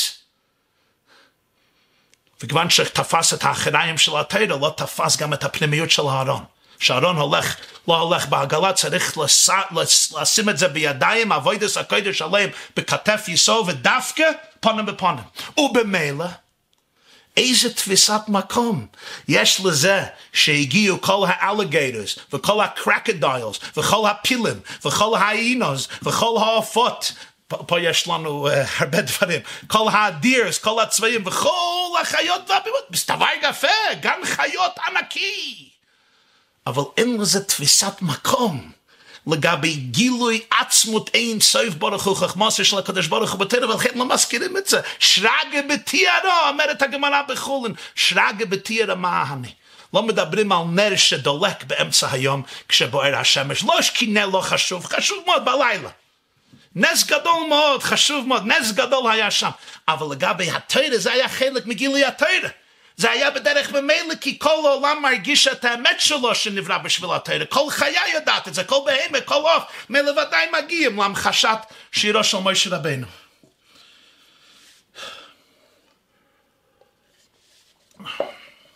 זוכר פעם,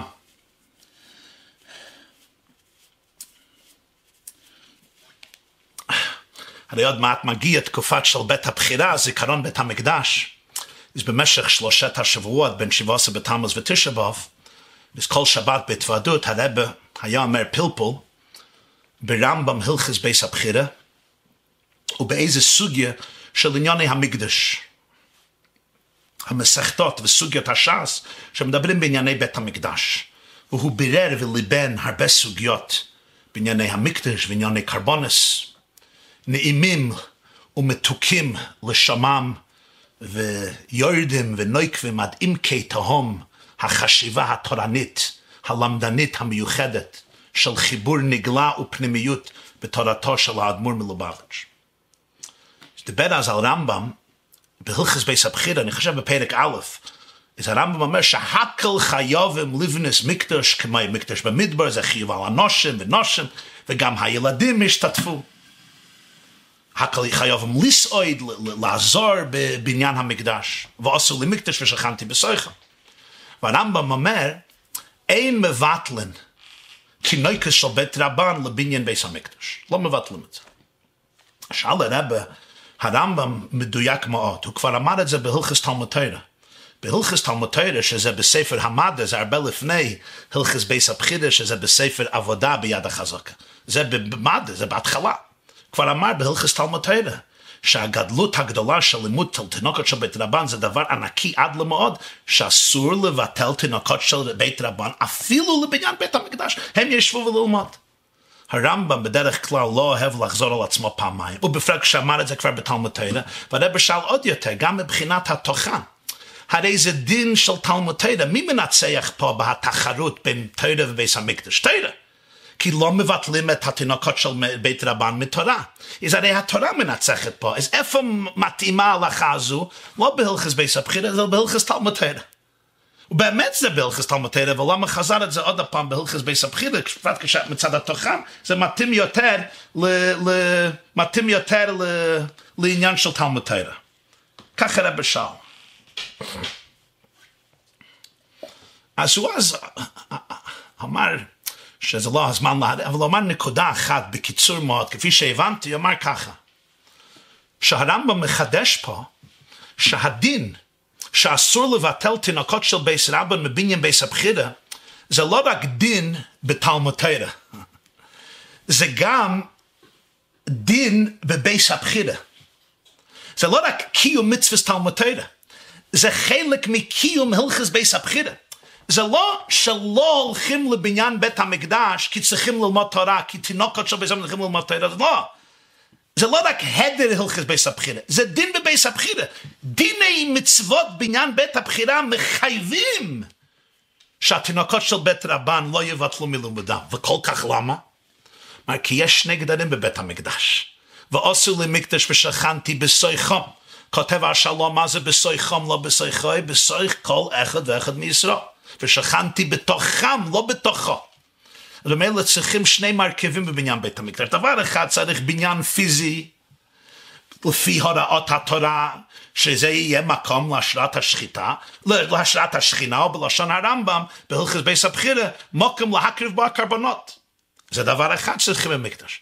זה החפצא של בית המקדש. אבל גם צריכים גברא, צריכים את ה ושכנתי בתוכם, את הלב היהודי, שהשכינה תוכל לשכון בלב היהודי ושכנתי בתוכם, זה גם צריכים לבית המקדש. איך יוצרים את זה? איך יוצרים את הבית המקדש הפנימי, שהשראת השכינה לא רק תהיה במקום פיזי, זה צריך להשתקף בלב היהודי, זה על ידי דבר אחד, על ידי לימוד תינוקות של בית רבן. אז כשאני לומד תורה עם תינוקות של בית רבן, זה קיום מצוות בית הבחירה, זה לא רק קיום מצוות תלמוד תורה.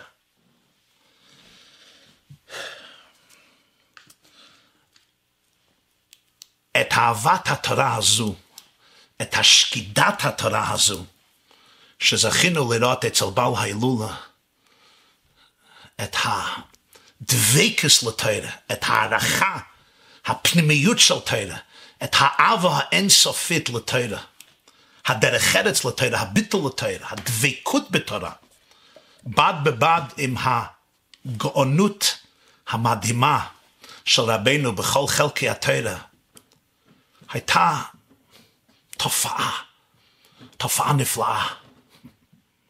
ממש. רב גרונר סיפר לי, נכנס לחדרו, אז בשמחת הוא נכנס לחדרו של הרבה, וצריך לומר לו משהו. וראה שיצא ספר חדש, והרבה אחז בהספר, וטייל בחדרו ענה וענה, וקורא עם הספר, קורא את הספר. וטייל ככה, ענה וענה קורא. חוזר בעוד שעה. אותה תנוחה, אותה תנועה, חוזר ענה וענה ולומד. במשך כל היום, כל זמן שהרב אפילו לא הבחין שהוא נכנס, כל פעם שהוא נכנס, אונו ואונו, הלך אונו ואונו. כל היום, עד שהוא גמר את כל הספר.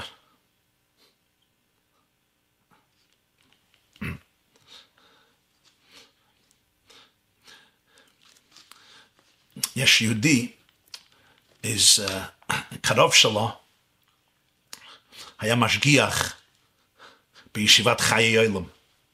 היה יהודי משגיח לתאי, הרב פרידמן.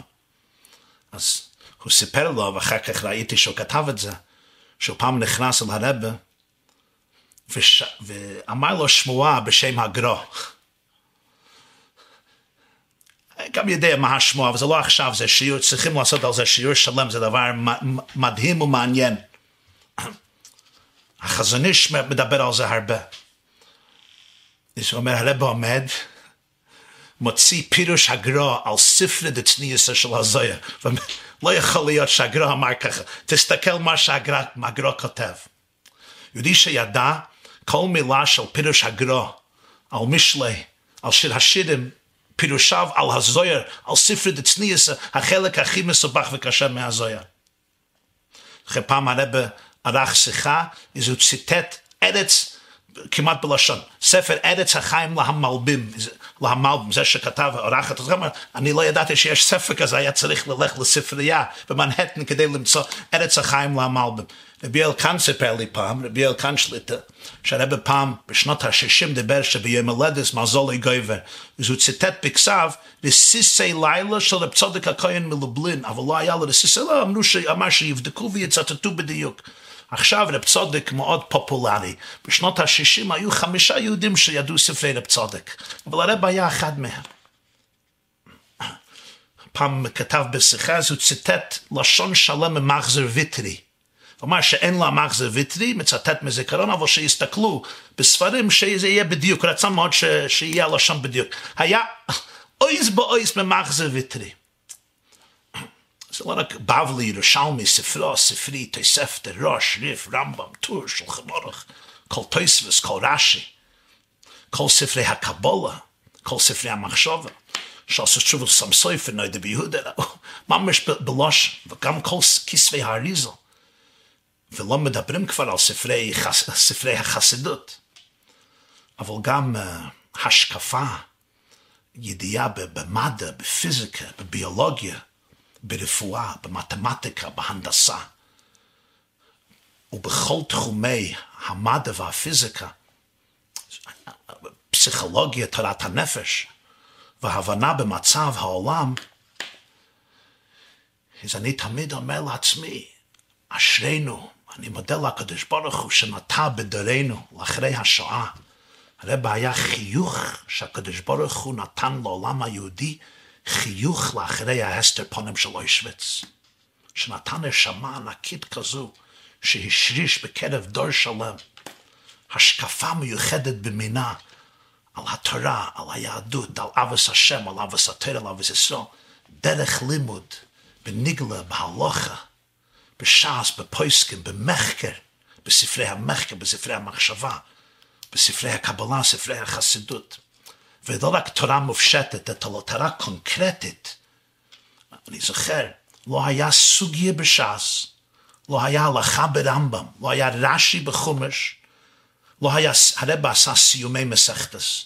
שש פעמים בשנה עשה סיום כללי על מסכתה. ביורצייט של אמא, ו' תשרה, ביורצייט של אבא, כ"א, כי צריך, אה, הרב היה לו ככה צד ליטאי חזק, אי אפשר סתם להתוועד ביורצייט, צריכים לעשות סיום מסכתה. זה היה הצד הליטאי שבו צריכים להקפיד על השיטה בשולחן אורך שזה יום טיינס, לא כמנהג החסידים שעושים תיקון, הוא היה עשה סיום מסכת, כלומר כדי להוציא מכל הספקות שמותר להתוועד ביורצייט.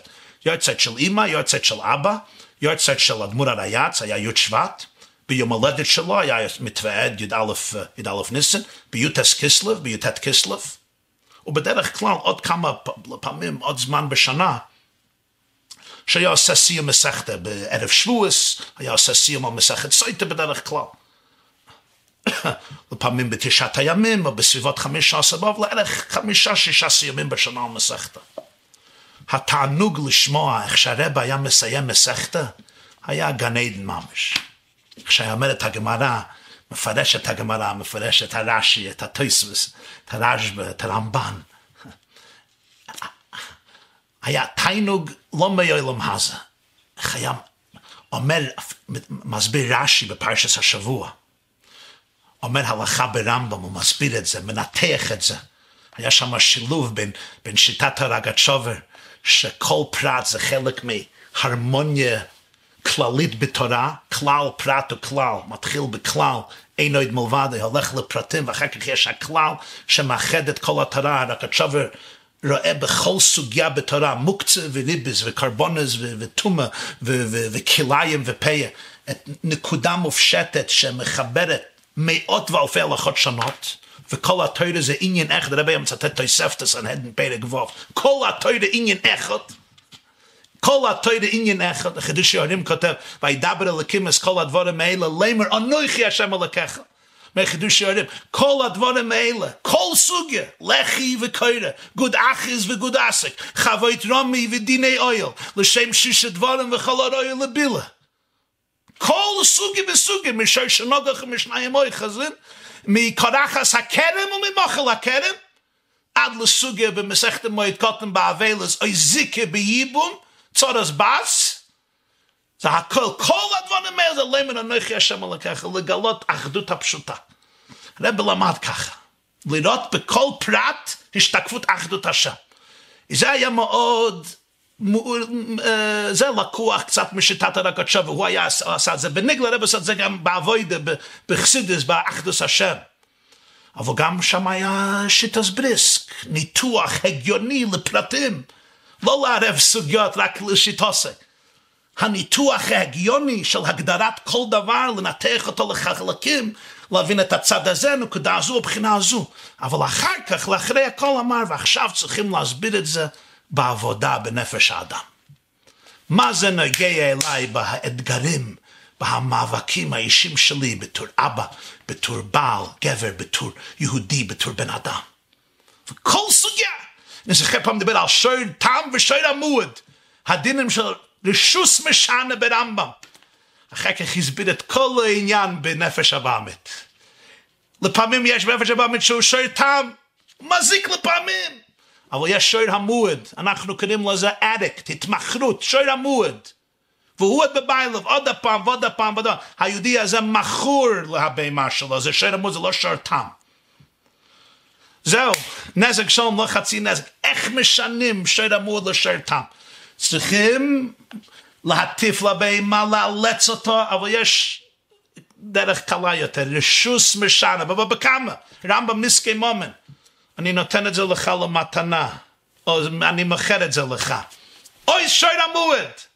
רבי הסביר מה זה בעבודת השם. היהודי מוסר את הרשות שלו, את הבהמה שלו לקדוש ברוך הוא מבין התהוות בכל רגע, אוי שוי המועד. רעיון נפלא. פעם דיבר על רב חיים בהלכס uh, תמידין ומוסופן, שבהדלוקס המנהרה אין פסול זרות, אין פסול זור. זור מותר להדליק המנהרה, אין פסול חוץ. רב חיים מסביר שיטת הרמב"ם, כי המצווה זה לא להדליק את המנורה, המצווה הוא שהנרות יהיו דולקים. זה לא מצווה לדלוק, הנרות יהיו דולקים, כך מחדש רב חיים. הרב הסביר, דיבר על זה פרשס בעלויסחה, הוא אמר, מה זה בחינוך? מצוות החינוך זה לא רק שתדלוק את הילד שלך, נר השם נשמת אדם, זה לא חידוש. שהנרות יהיו דולקים, זה האבוידה. זה כבר הרבה יותר קשה. אני יכול לעמוד עם גפרור ולצעוק על הילד שלי, תקשיב לקריאת התורה. הנרות יהיו דולקים, שתהא שלהבס אוי למאליה, זו המצווה. זה לא רק היה רעיון נפלא בחינוך, זה גם לימד איך שצריכים ללמוד רב חיים. שכל דבר בתורה, יש לו, ויצווינו השם לעשות את כל החוקים האלה לידעס השם, זה לא סתם פסוק, זה לא בזה היה ממש כל סוגיה, בנזיקין ובקודשים ובתרס ובזרועים, דברים מופשטים ושזה לא מצוות השייכות כיום. אם לוקחים ומבינים את הפנימיות, זה נותן לך דרך בחיי היום יום בפסיכולוגיה, במצב הנפש, בחיי אישות, ביחס שלך עם הילדים, ביחס שלך עם עצמך, ביחס שלך עם כסף, עם ביזנס וכל תהפוכות ומלכי חיים היום יומין. תורה היא תורת חיים במלוא מובן המילה. יום הזה אני מוידה לקדוש ברוך הוא אשרינו מה טוב חלקנו שנוטה בנו את הנשמה הזו שלימדה אותנו דרך השם של הבעל שם טוב של אבס השם ואבס התוירה ואבס ישראל חד הוא. ואני מאחל ומברך אותי, אתכם, את כל בייס ישראל, שנזכה ללך ברכתיו אשר הורנו, ללך ברכתיו נצח סלבוד, ובפרט בהיעד והמבוקש שהגיש זו תכלית כל חייו, להביא את השכינה למטה בעולם, להגביה את העולם למודעות של גאולה, של וניגל לכבוד השם וראו כל בוסר יחדיו כפי השם דיבר, שיהודים יצאו לא רק מגלות חיצוני, אלא מגלות פנימי. לא להיות, אנשים שואלים אותי, מה היה הרבי משיח, משיח, משיח? זו עבודה גדולה הייתה, עבודה קשה מאוד. זה לא רק המשיח שהשם יביא, זה המשיח שאני צריך להביא. אל תגעו במשיחי אלו תינוקות של בית רבן, שבת קי"ט. לגלות את התינוק של בית רבן בעצמי, אל תיגע במשיח, המשיח שלך, אתה מויר עיניים פרשס חוקס, בכל יהודי דורך כוכב מיעקב יש ניצוץ משיח. לגלות את המשיח, מה פירוש לגלות המשיח בקרבי? לחיות עם מודעות של גאולה, עם מודעות של אינו מלבדוי. עם מודעות שאני עכשיו חלק מהאין סויף ממש. אתה מסתכל על הילד שלך לפני שאתה פותח את הפה. לפני שאתה כועס, לפני שאתה מתקצף, לפני... תעשה נשימה, תנשום לרווחה, ועכשיו תשאר ותפנים את האמת. אתה השתקפות מהאין סוף בעולמנו. זה לא פה אגו אישית, אתה מבש... מבייש את המשפחה, אתה מבייש אותי. אתה חיל, אתה שליח של הקדוש ברוך הוא בכל רגע ורגע. מה רוצה השם ברגע זה ממש, בלי אגו ובלי רגשי נחיתות אישית. עבד מלך מלך, אתה המלך. מה השם רוצה ממני ברגע זה, במקום זה? כל התסביכים מסתק, מסתלקים להצד, הם לא, הם לא נופלים, אבל הם מסתלקים קצת לצד. זה מודעות של גאולה, לפתוח את עצמנו. איך יהיה בזמן המשיח? אני, אני, האם אני אתן לך חיבוק או אני אתבייש? המי, אני, מי, אני אתן לך נשיקה, אני אתבייש? האם אני אכנס למחלוקס? האם אני אדבר על לשון הרע? האם אני אראה את עצמי בתור אלוקות או בתור בהמה? אומר הרב, תתחיל לחיות ככה עכשיו, ובזה תכין את עצמך ואת כל העולם כולו להרגע הגדול שהקדוש ברוך הוא יגאל אותנו מהגלות. בקרוב, במהרה בימינו. אמן. בואו נסיים בניגון, אשרינו מה טוב חלקנו. The Geschmacker one, not, not the fast one, the, the second one, number two. That's the fast. אשרינו, yeah. אשרינו.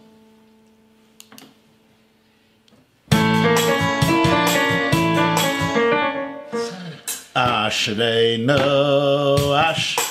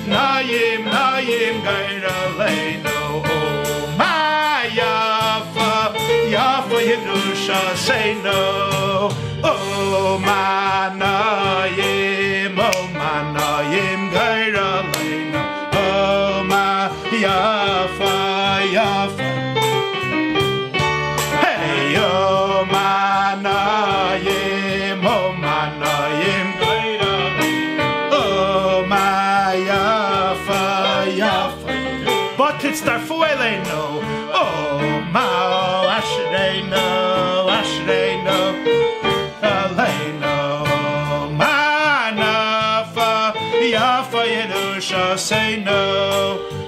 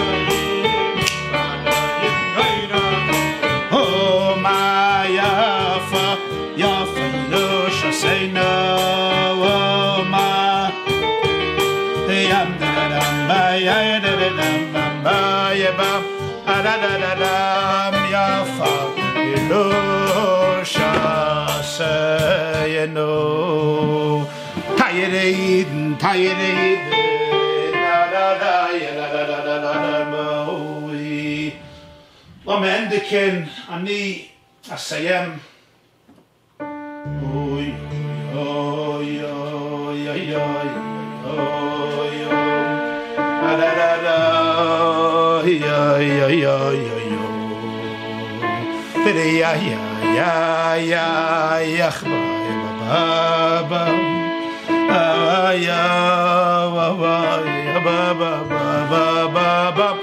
אני רוצה לבקש מכם, ידידים יקרים, אחים, אתם בבית, נו, נו, פליי, פליי. אתם בבית, באיפה שאתם יושבים, המוקר מה שאתה עומד עליו, בבידוד, עד מס קודש הוא. בוא תצטרפו אלינו, תצטרפו לעני ובני שיחיד. tadai abaya yeba abaya yeba aba ba ba ya ba ya ayaya.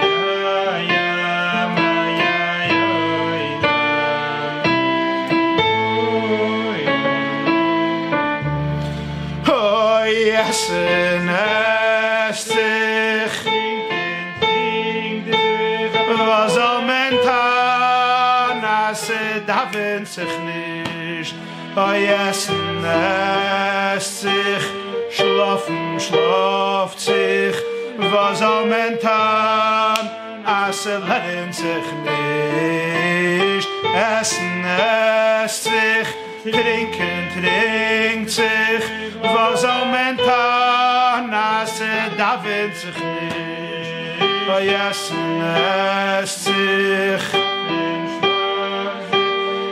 zamentan a sed haver nicht? Ay ay ay da ay ay ay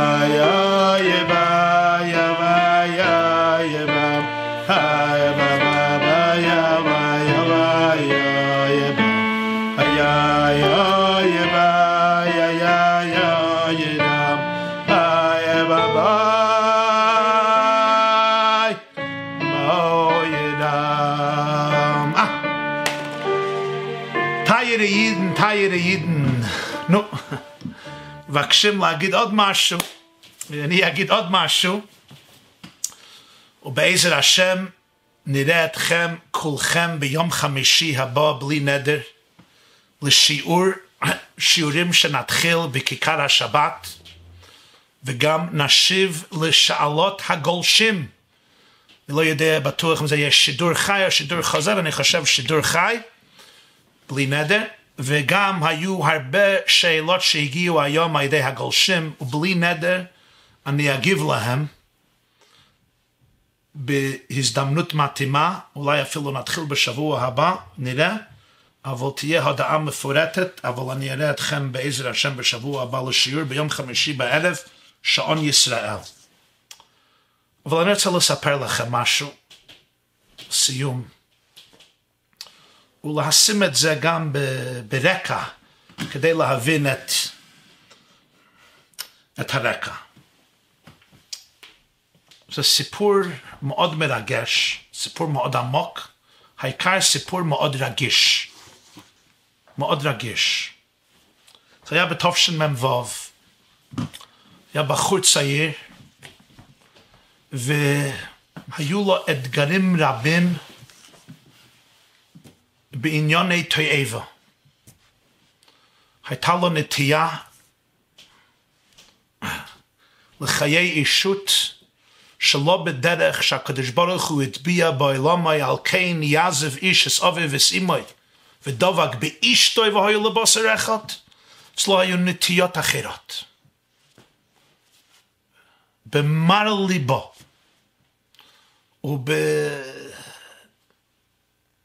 ובמרירות ואכזבה וכאב עמוק בלתי יתואר. כתב מכתב לאדמו"ר מלובביץ' ושפך את כל רגשותיו להרבה על החוויות שלו, על האתגר, על המאבק התמידי, וזה היה בתשמ"ו, זה 86, חורף מ"ו. הרבה ענה לו, ראיתי את המכתב, גם יודע שם הנימן, כתב לו מכתב, שלושה עמודים אני חושב, שני וחצי עמודים. מכתב ארוך מאוד, הרבה בכלל לא כתב מכתבים ארוכים כאלה, בפרט לא בשנת תשמ"ו, זה כבר שנים מאוחרות יותר, ופשוט הגיעו מאות ואלפי מכתבים, לא היה באפשר. אבל כתב לו מכתב ארוך. מכתב עם המון אמפתיה, עם המון רגישות, עם המון בהירות. אמפתיה ובהירות. שני העמודים שעליהם מושתת חינוך אותנטי, חינוך תורני אמיתי על תרס הקודש. אמפתיה, אבל גם בהירות, לדעת את אשר תיעשנה ואשר לא תיעשנה. באמצע המכתב אומר לו הרבה, אתה שואל אותי למה הכניס הקדוש ברוך הוא אותך בניסיון כזה? למה אתה? רק רוצה לתקן משהו פה.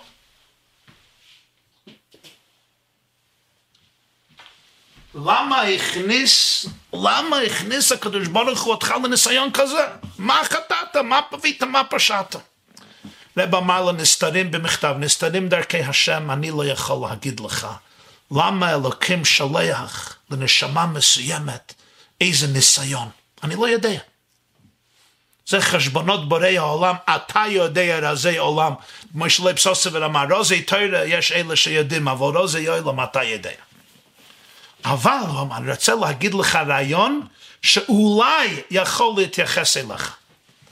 ואני אומר לכם את הרעיון שהרבא כתב לבחור ההוא, אני אומר את זה מזיכרון לפני הרבה שנים, אני לא מצטט את זה מילולית, וגם לא התוכן ממש, אבל אני, אני uh, מביא לפי הבנתי את הרעיון, את, מיוסד על הגרעין שהרבא כתב לבחור הזה, שהיו לו אתגרים ומלחמות וניסיונות גדולים בתחום הזה.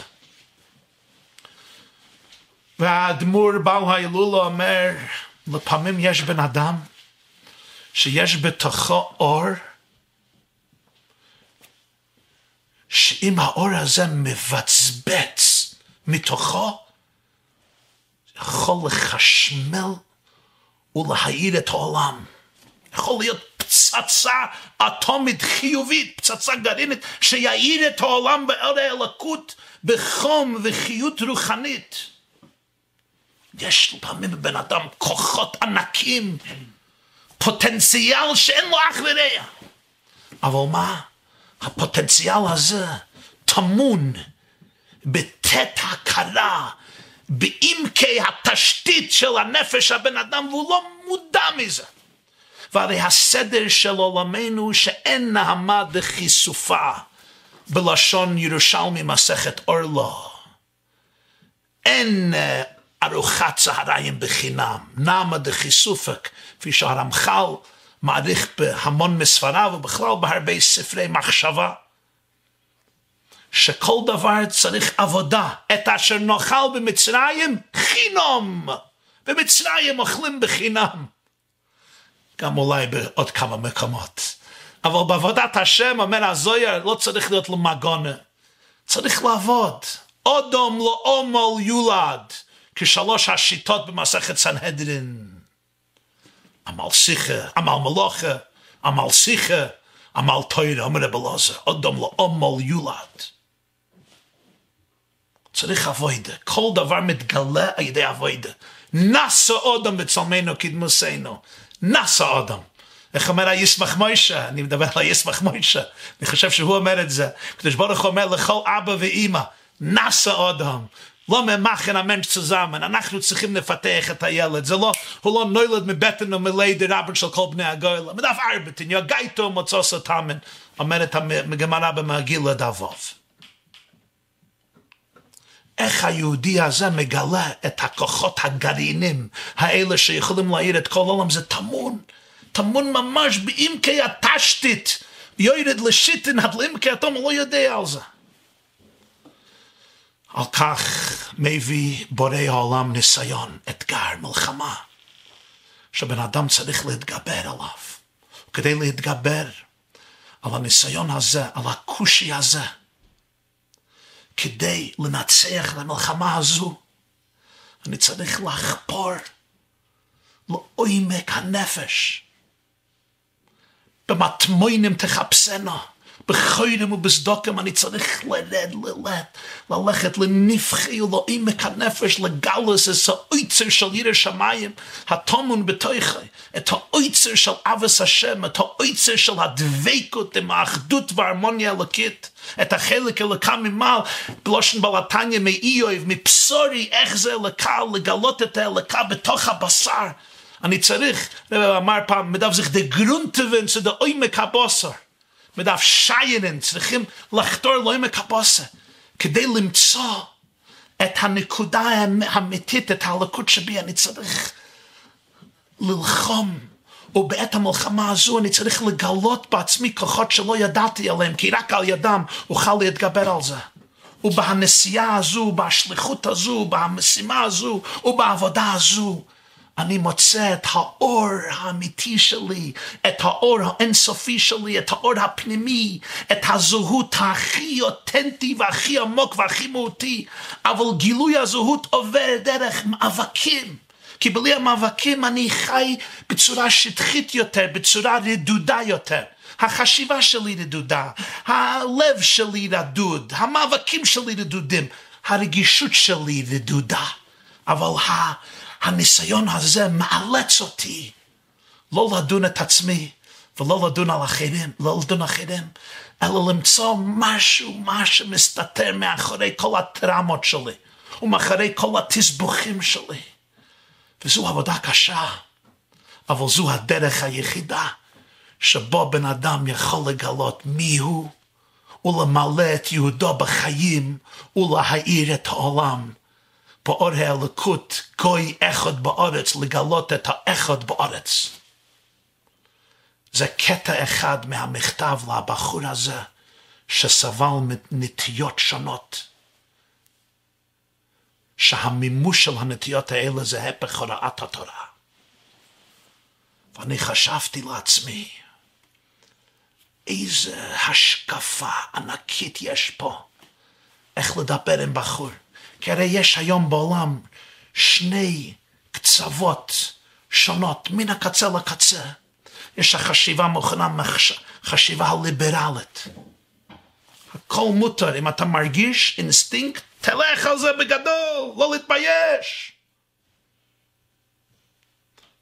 יש האינסטינקט התורני, החשיבה התורנית.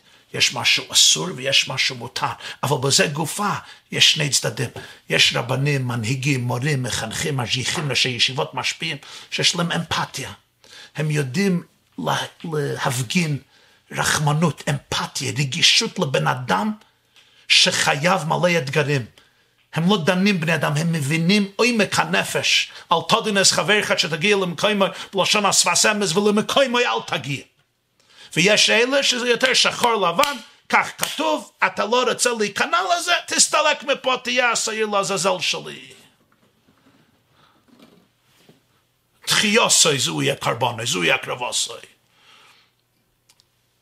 יש אלה שיש להם אמפתיה, הם מבינים לרוחם של בן אדם שני, ויש אלה שהם יותר אולי במידת הגבורה, מידת. מידה אחרת יש להם, מידה אחרת יש להם, בלשון הגמרא בביצה. הרבי כאן גילה עומק תורת הבעל שם טוב ותלמידיו, איך להסתכל על כל אתגר בחיים.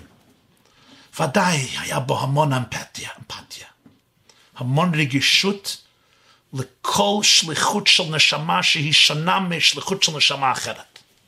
אבל ביחד עם זה הרב אף פעם לא האמין שאתה קורבן לנסיבות שלך, אתה קורבן לניסיונות שלך, אתה קורבן למאבקים ואתגרים, ואפילו אתה לא קורבן לחס ושלום חלילה התעללות שעברת לא בגלל שזה לא כואב, ולא בגלל שאתה לא סובל.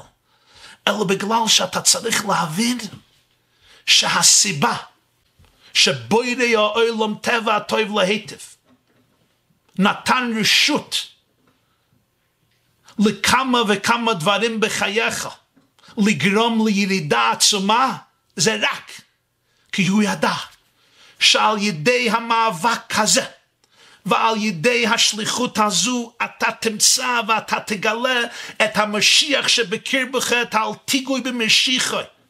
את האור האינסופי שבוער ולוהט בקרבך, ובזה תאיר את חייך באור האינסוף, באור התוירה, באור האלוקות, באופן שאין לו אח ורע, זה לא רק יהיה אור לעצמך ולבני ביתך, זה גם יהיה אור לכל הקהילה ולכל הכלל יסוד, לכל העולם כולו. ומילא הוא מסתכל על הבחור הזה, הוא לא רואה אותו בתור איזה נבח. מסכן, אני מרחם עליך, אני לא מרחם עליך, אתה גודל שבגדולים. אני לא רואה במאבק שלך חיסרון, אני מסתכל עליך, איזה מין מוזר אתה, למה אתה לא יכול להיות נורמלי כמו שאר המשפחה? אז יש אלה שיש להם אמפתיה למסכן, ויש אלה שדוחפים את המסכן. אני אומר, לא, אבל לא, איזה מסכן פה. בונמתם להשם אלוקיכם בני בכירי ישראל אהבתי אסכם אמר השם חלק אלוקה ממעל ממש. זה השתיק אייבשטר, זה ניצוץ של האין סוף, איזה מסכן הוא. הקדוש ברוך הוא שלח אותו למקומות קשים כי יודע שיש בכוחו לא רק להתגבר אלא להביא אור למקומות כאלה שאחרים לא יכולים להביא אור, לכן הוא הכניס אותו שם. זה שליחות גורלית ואלוקית. זהו היעד שלו, זה לא עניין של בדיעבד, הוא לא, אין יהודי, אצל הרב מלובביץ' לא היה יהודי של בדיעבד. כל יהודי היה לכתחילה. זוכר היה יהודי, רב לייבל בסטריצקי, נפטר לפני כמה שנים בירושלים. יהודי חם, חסיד, אלא חנות מכולת הרבה שנים. אז פעם אחת, הרבי יצא לתפילת מנחה, מיירב. אח שלי סיפר לי שהיה שם, הוא שמע את זה. ועשו ש... שיפוצים בקומה של 770 למעלה. אז הוא אומר לרב, באוזניים הוא אומר, היינט ואת מנדוונן אונטן. היום מתפללים למטה, במחתרת, היום מתפללים אונטן למטה. אז הרב ככה מיד אומר, אין א שול איז נישטא קיין אונטן. בבית כנסת אין דבר כזה כמו תחתן מטה. זה, זה מקדש מעט. מסכת מגילה דף כ"ט, זה מוקף של השכינה, מה זה אונטן? אם הקדוש ברוך הוא פה זה לא מטה. זה, זה, זה דין אל הקדוש ברוך הוא, ושכנתי בסייכם, זה נשתקן אונטן. ושכנתי בסייכם, אצל הרבי מלובביץ' לא היה דבר כזה ילד שהוא ככה שני בטור, פסוילס, עושים מלאכס בוידר איתו, בשיניוטס, זה בשין... אין דבר, אין יהודי של בדיעבד, יש רק לכתחילה. מה לכתחילה? לכל אחד יש שליחות אחרת. אני נשלחתי למקום זה, אתה נשלחת למקום זה. זה לכתחילה אחרת. אפילו יהודי שחוטא ועובר ופוגם את הדרך, הרב תמיד ציטט דברי ריש לוקיש ביום דף פ"ו, תשובה מייבה, זדוינס נעשה לו כזוכיס. למפרע הערבי נעשה חלק מהמצווה. זה נעשה עניין של עבודת השם. יש שאלת המרשו הגדולה ביום דף פ"ו, והביר בתניא, פרק ז', בספרי רב צודק הרבה, כידוע. בספרי מוסר, בספרי מחשבה, אבל הנקודה היא, אין בדיעבד, יש יהודי שלכתחילה. הבחור הזה מסכן, הילדה הזו, הבת הזו מסכנה. יש לה מאבקים, נכון, כי זה השליחות אחרת. הם נשלחו למקומות שאחרים לא נשלחו בגלל שיש להם פצצה אלוקית אטומית שרק בכוחם להתגבר במקומות אלו. ולא עוד, יש פה נקודה שנייה כפי שאמרתי לה. אולי הדרך למצוא את האור זה ב... בהמאבק הזה, כי זה יאלץ אותם למצוא את עצמם בצורה חדשה. זה לא תמיד שליחות קלה, אבל זה שליחות. כך הרבי יסתכל על הבחור הזה. אתה לא קורבן. אתה קודש קדושים. כי בוא נזכור, האתגר שיש בי לטייבה לא מוסרית, זה לא אשמתי, זה לא חטא. החטא הוא הביצוע של העבירה במעשה, לא התאווה והנטייה לעבירה. זאת לא אני עשיתי, אני לא עשיתי את עצמי. בלושן התניא פרק ל"א, הוא עשה אותי. כי עתו יודע את יצרי, כי הוא יודע יצרנו, הוא מכיר את היצר שלך. יש בחורים שמגיעים ואומרים, אתה היית מכיר היצר שלי, לא היית מדבר איתי. מי ברא את היצר שלך, אתה חושב? אתה? אל תהיה בעל גייבה כזו, כי הוא יודע יצרנו, ארבו מסחרת עליהם בכל יום, אשר הרי יויסי גמרנו במסכת סוכה, בסוף סוכה. הוא עשה את זה. הוא עשונו ולא אנחנו, עמי וציימניסי, הוא יודע יצרנו. לא רק שזה לא סיבה לנפילת הדעת, לחלישות המוחין, לנפילה מוסרית רוחנית, להפך. זה נותן לך מראה מוקם, איפה היעד שלך? זה היעד שלי, אל תתבייש, אל תברוח, אל תחכה אחרים. זה היעד, זה לכתחילה, זה לא בדיעבד. אתה שליח, שלוחי של אדם כמו יסוי. מושג השליחות בחב"ד זה לא רק המושג ששליח הולך לאיזשהו מקום להפיץ יהדות, ודאי, זה במובן פיזי וממשי. הגיבורי האומה היהודית שהרבא שלח לכל מקום בעולם, אבל זה מושג שהרבא השריש במודעות העם, איך תסתכל על עצמך? אם אתה חי בהנובר גרמניה, אם אתה חי בבנגקוק תאילנד, אם אתה חי בטוקיו יפן, אם אתה חי במונסי ניו יורק, וגם אתה חי בבתי אונגרין, או במאה שערים, או בני ברק, או בקריית ספר, או ברמת בית שמש. אתה גם שלוחו של אדם כמותו. לא רק בסידני אוסטרליה הוא שליח, או במוסקבה, או בפריז, או בסיביר. אני אגיד לכם משהו, סתם אני נזכר. אני כבר מסר שיעורים באתר הרבה הרבה שנים. כי זה התחיל, אני התחלתי להגיד שיעורים באתר. ולפני כמה שבועות היה רעיון איתי בכיכר השבת גלובל עם ידידי אמיתי לבנימין גולדשמיט. אם צריכים לעשות את זה או לא צריכים לעשות את זה, ודיברתי שיטתו של הרבה ששמעתי המון פעמים, כל מה שבור הקדוש ברוך הוא לברואה לכבודה, הגם שיש סכנות גדולות ועצומות באתר, ואני הראשון שיכול לדבר על זה שעות ארוכות, לדאבוננו, לא אלינו ולא אליכם. לא צריכים להיות נאיבי כלל וכלל. אבל זה היה קשה עם, עם, עם, מבחינה כספית בהתחלה, וכל ההוצאות, האתר. פעמים הייתי חושב אם זה כדאי או לא, אם זה באמת מקום להשקיע. ופעם הייתי בניו יורק, ונפגשתי עם אחד משלוחי האדמו"ר מלובביץ' לסיביר. סבא שלי נש... נשלח לסיביר על ידי סטלין בשנות ה-30, סבא שלי. כמעט נהרג. Just watch the wire, watch the wire. כמעט נהרג, סבא, give me water. kannst bringen Wasser. Water. Mit Eis. Wasser mit Eis, thank you.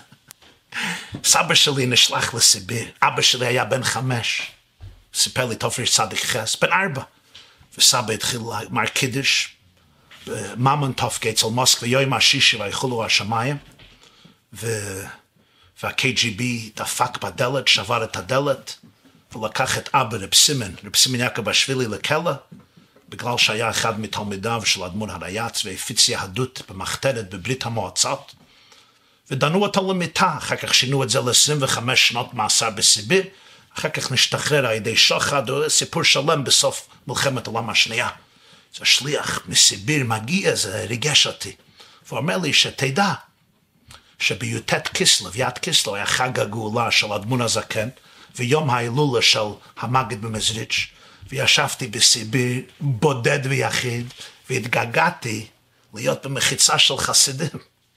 והדלקתי המכונה, והלכתי, אני עשיתי התוועדות אז בניו יורק, זה הלך שש, הלכה שש שעות, שבע שעות, ישבנו. גם ישבתי איתך, ניגנתי איתך, הקשבתי, בכיתי, צחקתי, רקדתי. אמרתי, רק בשביל זה זה כדאי, רק בשביל זה זה כדאי. אבל שליחות זה מונח לא רק בברלין, ובסידני ובסיביר, ודאי, שם המסידס נפש אין לו אח ורע, הירד שמיים המסידס נפש, ואבס ישראל. אבל זה מונח גם פה בניו יורק, פה יש המון יהודים חרדים, ובירושלים יש המון יהודים חרדים, ובצפת יש המון יהודים חרדים, כן ירבו. גם שם אתה בשליחות. זה דרך חשיבה, איך אתה מסתכל על עצמך בכל מקום ובכל רגע. המויר עיניים, הרב הצדיק, רב נוחם מצ'רנובל, מתלמידי הבעל שם טוב והמגד, זכותו יגן עלינו. בספרו מויר עיניים, איפה זה פרשס וישלח, הוא אומר, כתוב בגמרא, במסכת יומא, דף ל"ה אני חושב, הבולת, דף ל"ה, דף ל"ח, הבולת תייר מסיין לו, הבולת תומי פויסכין לו. מה החילוק? אומר המויר, יש פירושים שונים, אבל המויר עיניים כותב, הבולת תייר מסיין לו. הבולת תומי. אם אתה מגיע להיטמא, כלומר היצר הרע מגיע אליך ואומר לך, אני רוצה שתטמא את עצמך בטומאה, פותחים לו, שתדע שפה נמצאת הפתח שלך לרוח הקודש. כך כותב רב נוחם מצ'רנובל. הפתחו לי שערי צדק נמצא פה. הבא לטמא במאבק הזה שיש לך נגד הטומאה שעכשיו נכנס בך. מחשבה, דיבור, תאווה, נטייה, בעיה. אם זה טראומה, אם זה פחד, אם זה אגו, אם זה קנאה, אם זה פוליטיקה, אם זה מחלוקת, אם זה שנאה, אם זה התמכרות, addiction לכל מיני דברים לא מוסריים ולא טובים. לכאורה זה שיא הירידה, זה שיא החורבן. עכשיו אני צריך להרגיש כמו לוזר ודפוק באמת למיטה. אומר אמר עיניים, מה פתאום אתה לא תופס הנקודה שלנו את מלבדוי? פה יסחילוי, זה הפתח שלך לרוח הקודש. תחגוג את ההזדמנות למלות את השליחות שלך. זה הרוח הקודש, פה תמצא את הקדושה. המוקר מה שאתה עומד עליו אדמת קודש הוא. במקום שבו אתה נמצא, זה אדמוס קודש, שם תמצא את הקדושה. כי זה שליחות שהקדוש ברוך הוא שלח את הנשמה שלך להאיר את המקום הזה, ואת הנסיבות האלו, ואת הטראומה הזה, ואת האתגרים האלה, ואת המאבקים בניסיונות. הגם שהדרכים קצת מפותלות אצלך, לכן נשלחת לעיר מקום הזה, ועל ידי זה אתה עוד תמצא את האור האמיתי שבך. זה לא בדיעבד, זה לכתחילה, הבוא לטומי, זה פויסחילה, זה הפתח שלך, אל תרוץ מזה. זוהי הנקודה, מה שהרב רצה להעביר מהבחור הזה. ובעצם זה טמון בתוירה של הרב, הגור, הרב הקודש, רב ארן הגודל מקרלין. רב ארן הגודל מקרלין, תלמידו של המגיד ממזריש זכות היוגן עלינו, אמר, כתוב ברש"י ואסחנון, אומרים את זה פעמיים או שלוש פעמים ביום, ואהבת אס השם אלוקיך בכל לבבך. אומר רש"י, מה זה בכל לבבך, לא בחצי לב? דבר אחר, שלא יהיה ליבך חולוק על המוקם. מה זה ליבך חולוק על המוקם? למה קוראים לקדוש ברוך הוא מוקם? אומר רב ארן הגודל מקרלין, לכל בן אדם יש מקום בעולם. ולפעמים הלב שלי עושה מחלוקת עם המקום שלי. אם אני הייתי במקום זה, אם לי היו כישרונות כמו שיש לבן דודי, אם היה לי כסף כמו לגיסתי, אם היה לי שווה ושוויגה כמו לאחותי, אם הייתי בעל כישרון כמו אחי, אם אבא ואימא היו יותר שבויים, יותר נורמליים, יותר רגישים, אם הייתי מתקבל לסמינר זה, לישיבה זו, לחדר זה, אם אני הייתי נולד כזה וכזה, אם לא היה לי בעיה זו, בעיה זו, חסרון זה, אם הייתי שפוי ונורמלי וממוזג ודתו מעורבת עם הבריות וגם בעל כישנון וחצי לבקי ועגר, אז אני יכול, אופס, אז אני יכול לשמוח. אז אני יכול, אבל עכשיו, עכשיו, אני לוזר שבלוזרים, אתה לא מאמין לי? תשאל את אבא. תשאל את המורה שלי, תשאל את הסבא, אומר רב אדם מקלין, אוי ואבוי, שלא יהיה ליבך חולק על המוקוים, זה המוקוים שלך. ויפגע במוקוים, ויולן שום כבוא השמש. יעקב תיקן תפילס ערביס. וואו, איזה אמרה חסידית מתוקה. יעקב עוזב את אבא ואת אמא, הולך לשליחות ללובון הארמי, ארמי אוי ודומי. למה? כי עשב רוצה להרוג אותו. פה אני יכול לבנות את עצמי, פה אני יכול לעבוד את השם, פה אני יכול לעשות מהפכה רוחנית, פה אני יכול להביא גאולה לעולם, זה מקום של שחיתות. ויפגע במוקוים. הוא הבין שזה המוקוים. הוא מקוימוי של אוילם בורך כבוד השם ממקוימוי. בויכים, שמעתי מהרבא בשם השלו, בויכים זה בורך כבוד השם ממקוימוי. המוקם מה שאתה מלמד בסקוידש, שהוא תמצא את הקדושה, לא יהיה ליבך חולק על המוקם.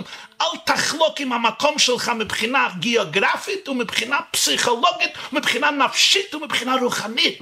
זה המוקם, זה המשפשה שלך, זה המצב שלך, זה הנפש שלך, זה המוקם שהמוקם הקדוש ברוך הוא הכניס אותך למקום זה, כי פה תמלא את היעד הגדול שלך, פה תמצא את המשיח שלך, פה תמצא את הגאולה שלך, פה תגלה את הפצצה האינסופית, החלק אלוקה ממעל ממש שבקרבך. אתה לא מסכן, אתה לא בדיעבד, אתה לא יהודי של בדיעבד, אתה יהודי של לכתחילה.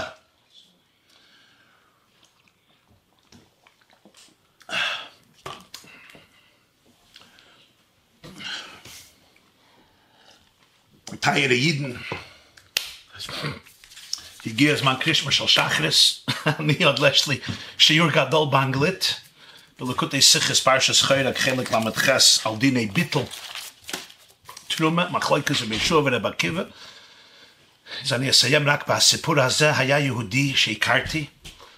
Nitzul shoa haya sofer Eli Wiesel, Eliezer Wiesel. Hu gadal besiget be Ungaren. Be למשפחה שבאה מחסידי ויז'ניץ.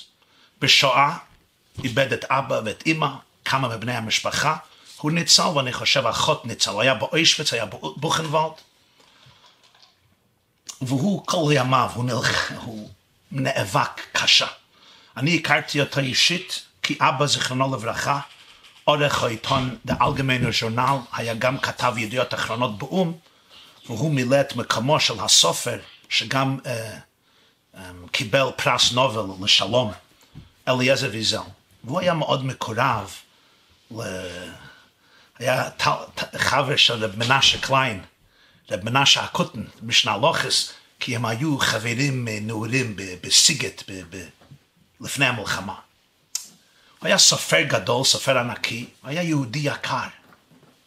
הוא סיפר פעם, הוא לא רצה להתחתן. אחרי השעה הוא האמין שאסור להתחתן, אסור להקים משפחה, כי אם העולם היה יכול לשתוק בנוכחות מה שקרה למיליון וחצי, מיל, מיליון וחצי ילדים יהודים בעת שנות הזעם של מלחמת העולם השנייה, אסור להביא דור חדש של יהודים לעולם. אם העולם יכול להסתכל על סבל כזה ולשתוק. כתב ספר ביידיש, ונדבלתות כשוויגן, והעולם שתק. מי שכנע אותו להקים משפחה? הרבי מלובביץ', שעות ארוכות בשנות ה-60 ישב עם הסופר אלי ויזל. שמעתי את זה ממנו. הרבי שכנע אותו להשתחרר. יש מכתב של הרבי אליו שבעה דפים, שבעה עמודים, מכתב הכי ארוך שראיתי מהרבי מלובביץ' בתוף של חופי, שכנע אותו לבנות משפחה, ואומר לה, סערת מנישט, אז היא וזיין הוויז'נצה חוסד. Oder alle Babitsche Chosid, oder stam an ehrliche Jid Hashem mit Teuro Mitzvah. Lo ichpat li im אתה מקים משפחה של חסידי ויז'ניץ, של חסידי חב"ד, או סתם יהודי טוב, יהודי שוי מתוירו מצווה, גם טוב לי. העיקר שתבנה בית ביס, כך, כך מסיים את המכתב. לשכרו יאמר, הוא ציית. הוא נכנס לברית נישואין, בנה בית עם אשתו, מריאן, נולד להם בן, הוא נתן לו שם, השם אבא שלו שנהרג בשואה, אלישע, אלישע ויזל. הוא נולד באותו זמן שאני נולדתי, לכן אני יודע את הפרטים. ויזל אמר לי שאני הגעתי לברית שלך, ואבא שלך הגיע לברית, לברית של הבן שלי. הרב שלח ציץ גדול של פרחים, זר גדול של פרחים, לניסוי, לחתונה שלו ולברית של הבן. זר גדול של פרחים מהרבי מלובביץ' לאלי ויזל. והרב פעל הרבה דברים בהפצת היהדות על ידי ויזל, כי הוא היה יהודי בעל השפעה ענקית בעולם, יהודי מאוד מפורסם בעולם. הרב השתדל הרבה להשפיע עליו, להפיץ יהדות, לכתוב על חסידות ועל, ועל מורשת ישראל, וספרים על תורה וכולי, על גדולי האומה. פעם ישב אצל הרבה, והרב מלובביץ' פונה אליו ושואל אותו, תגיד לי מה אתה רוצה. אני רוצה לברך אותך, אני רוצה להעניק לך משהו. מה אתה רוצה? זו הייתה הזדמנות נדירה, הרב שואל ממנו מה הוא רוצה. אז הוא אומר, לובביץ' רבה, אני רוצה שתלמד אותי לבכות שוב. הרבה מניצולי השואה לא היו יכולים לבכות. יהודי אמר לי פעם, אם היינו מתחילים לבכות, הדמעות לא היו נעצרים. אז הפסקנו לבכות, אסור לבכות. כלומר, חלק מהחיים הרגשים היו צריכים להיות בשיתוק, כי הכאב היה יותר, יותר מדי. קשה מנשוא. סגרו את המפתח להרגישים. חיו מה, מה, מהמוח, לא מהלב. אומר הרב מלובביץ', will noch einmal weinen, תלמד אותי איך לבכות שוב.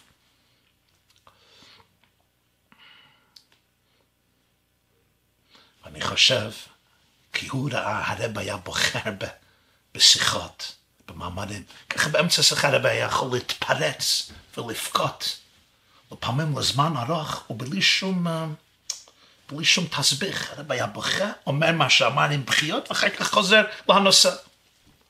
זוכר פעם בשמחס תוירה מ"ז, הרב בכה לערך חצי שעה. לפני הקפות הוא דיבר על רש"י האחרון בפרשת וזויס הברוכה, ואש... לעיני כל ישרול שנסוי ליבוי לישבור הלוחס ישר כוח שברת בכה לערך חצי שעה בכי תמרורים אז זיכרון זה המחז הזה לא, לא יבוש ממני אין כאן המקום לדבר למה בכה, מה התוכן זה להזדמנות אחרת בעזר השם. אז ויזל של הרב לתן לו דרך לבכות שוב. הרב מסתכל אליו בעיניים אוהבות וחמות, העיניים הידועות של הרב מלובביץ' זכרונו לברכה.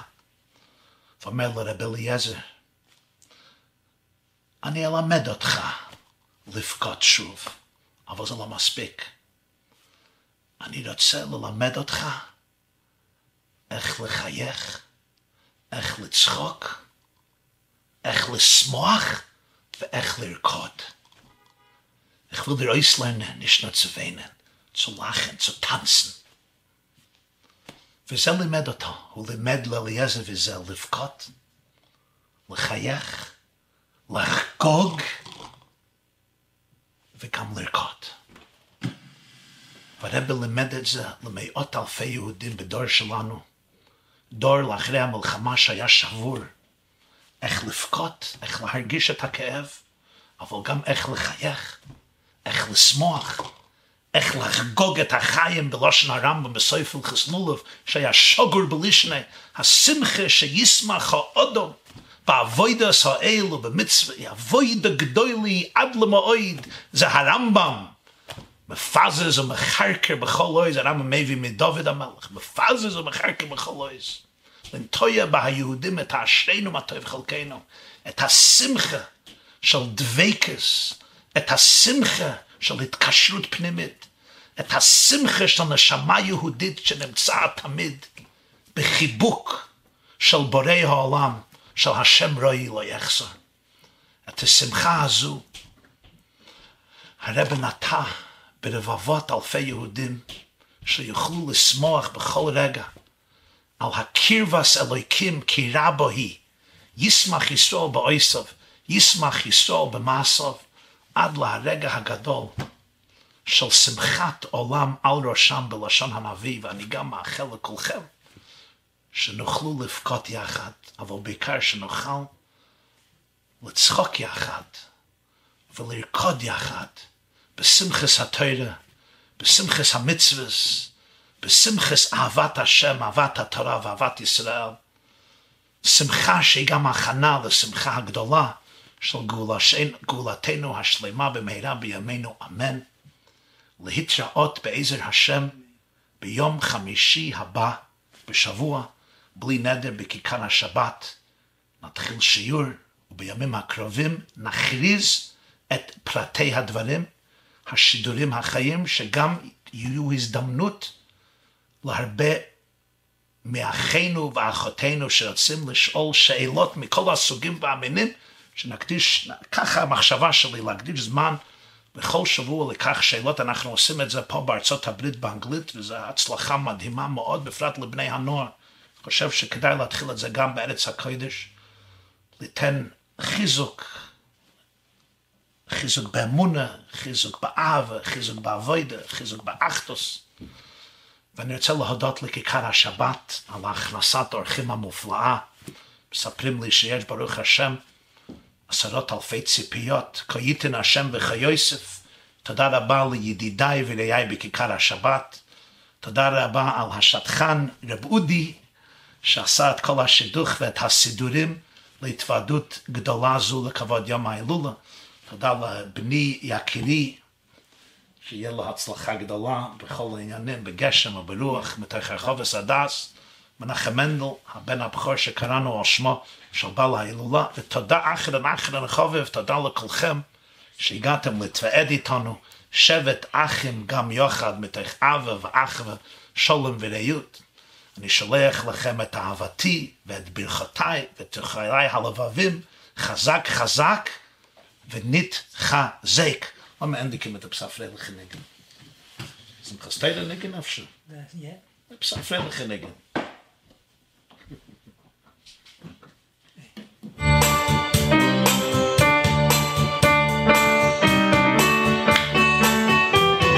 איי איי איי איי איי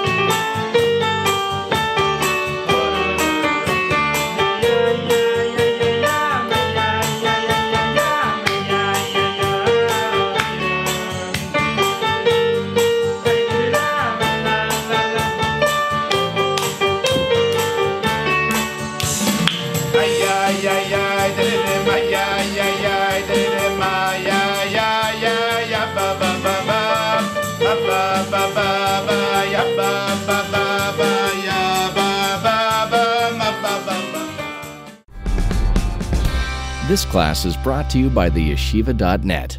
Please help us continue the classes. Make even a small contribution at www.theyeshiva.net slash donate.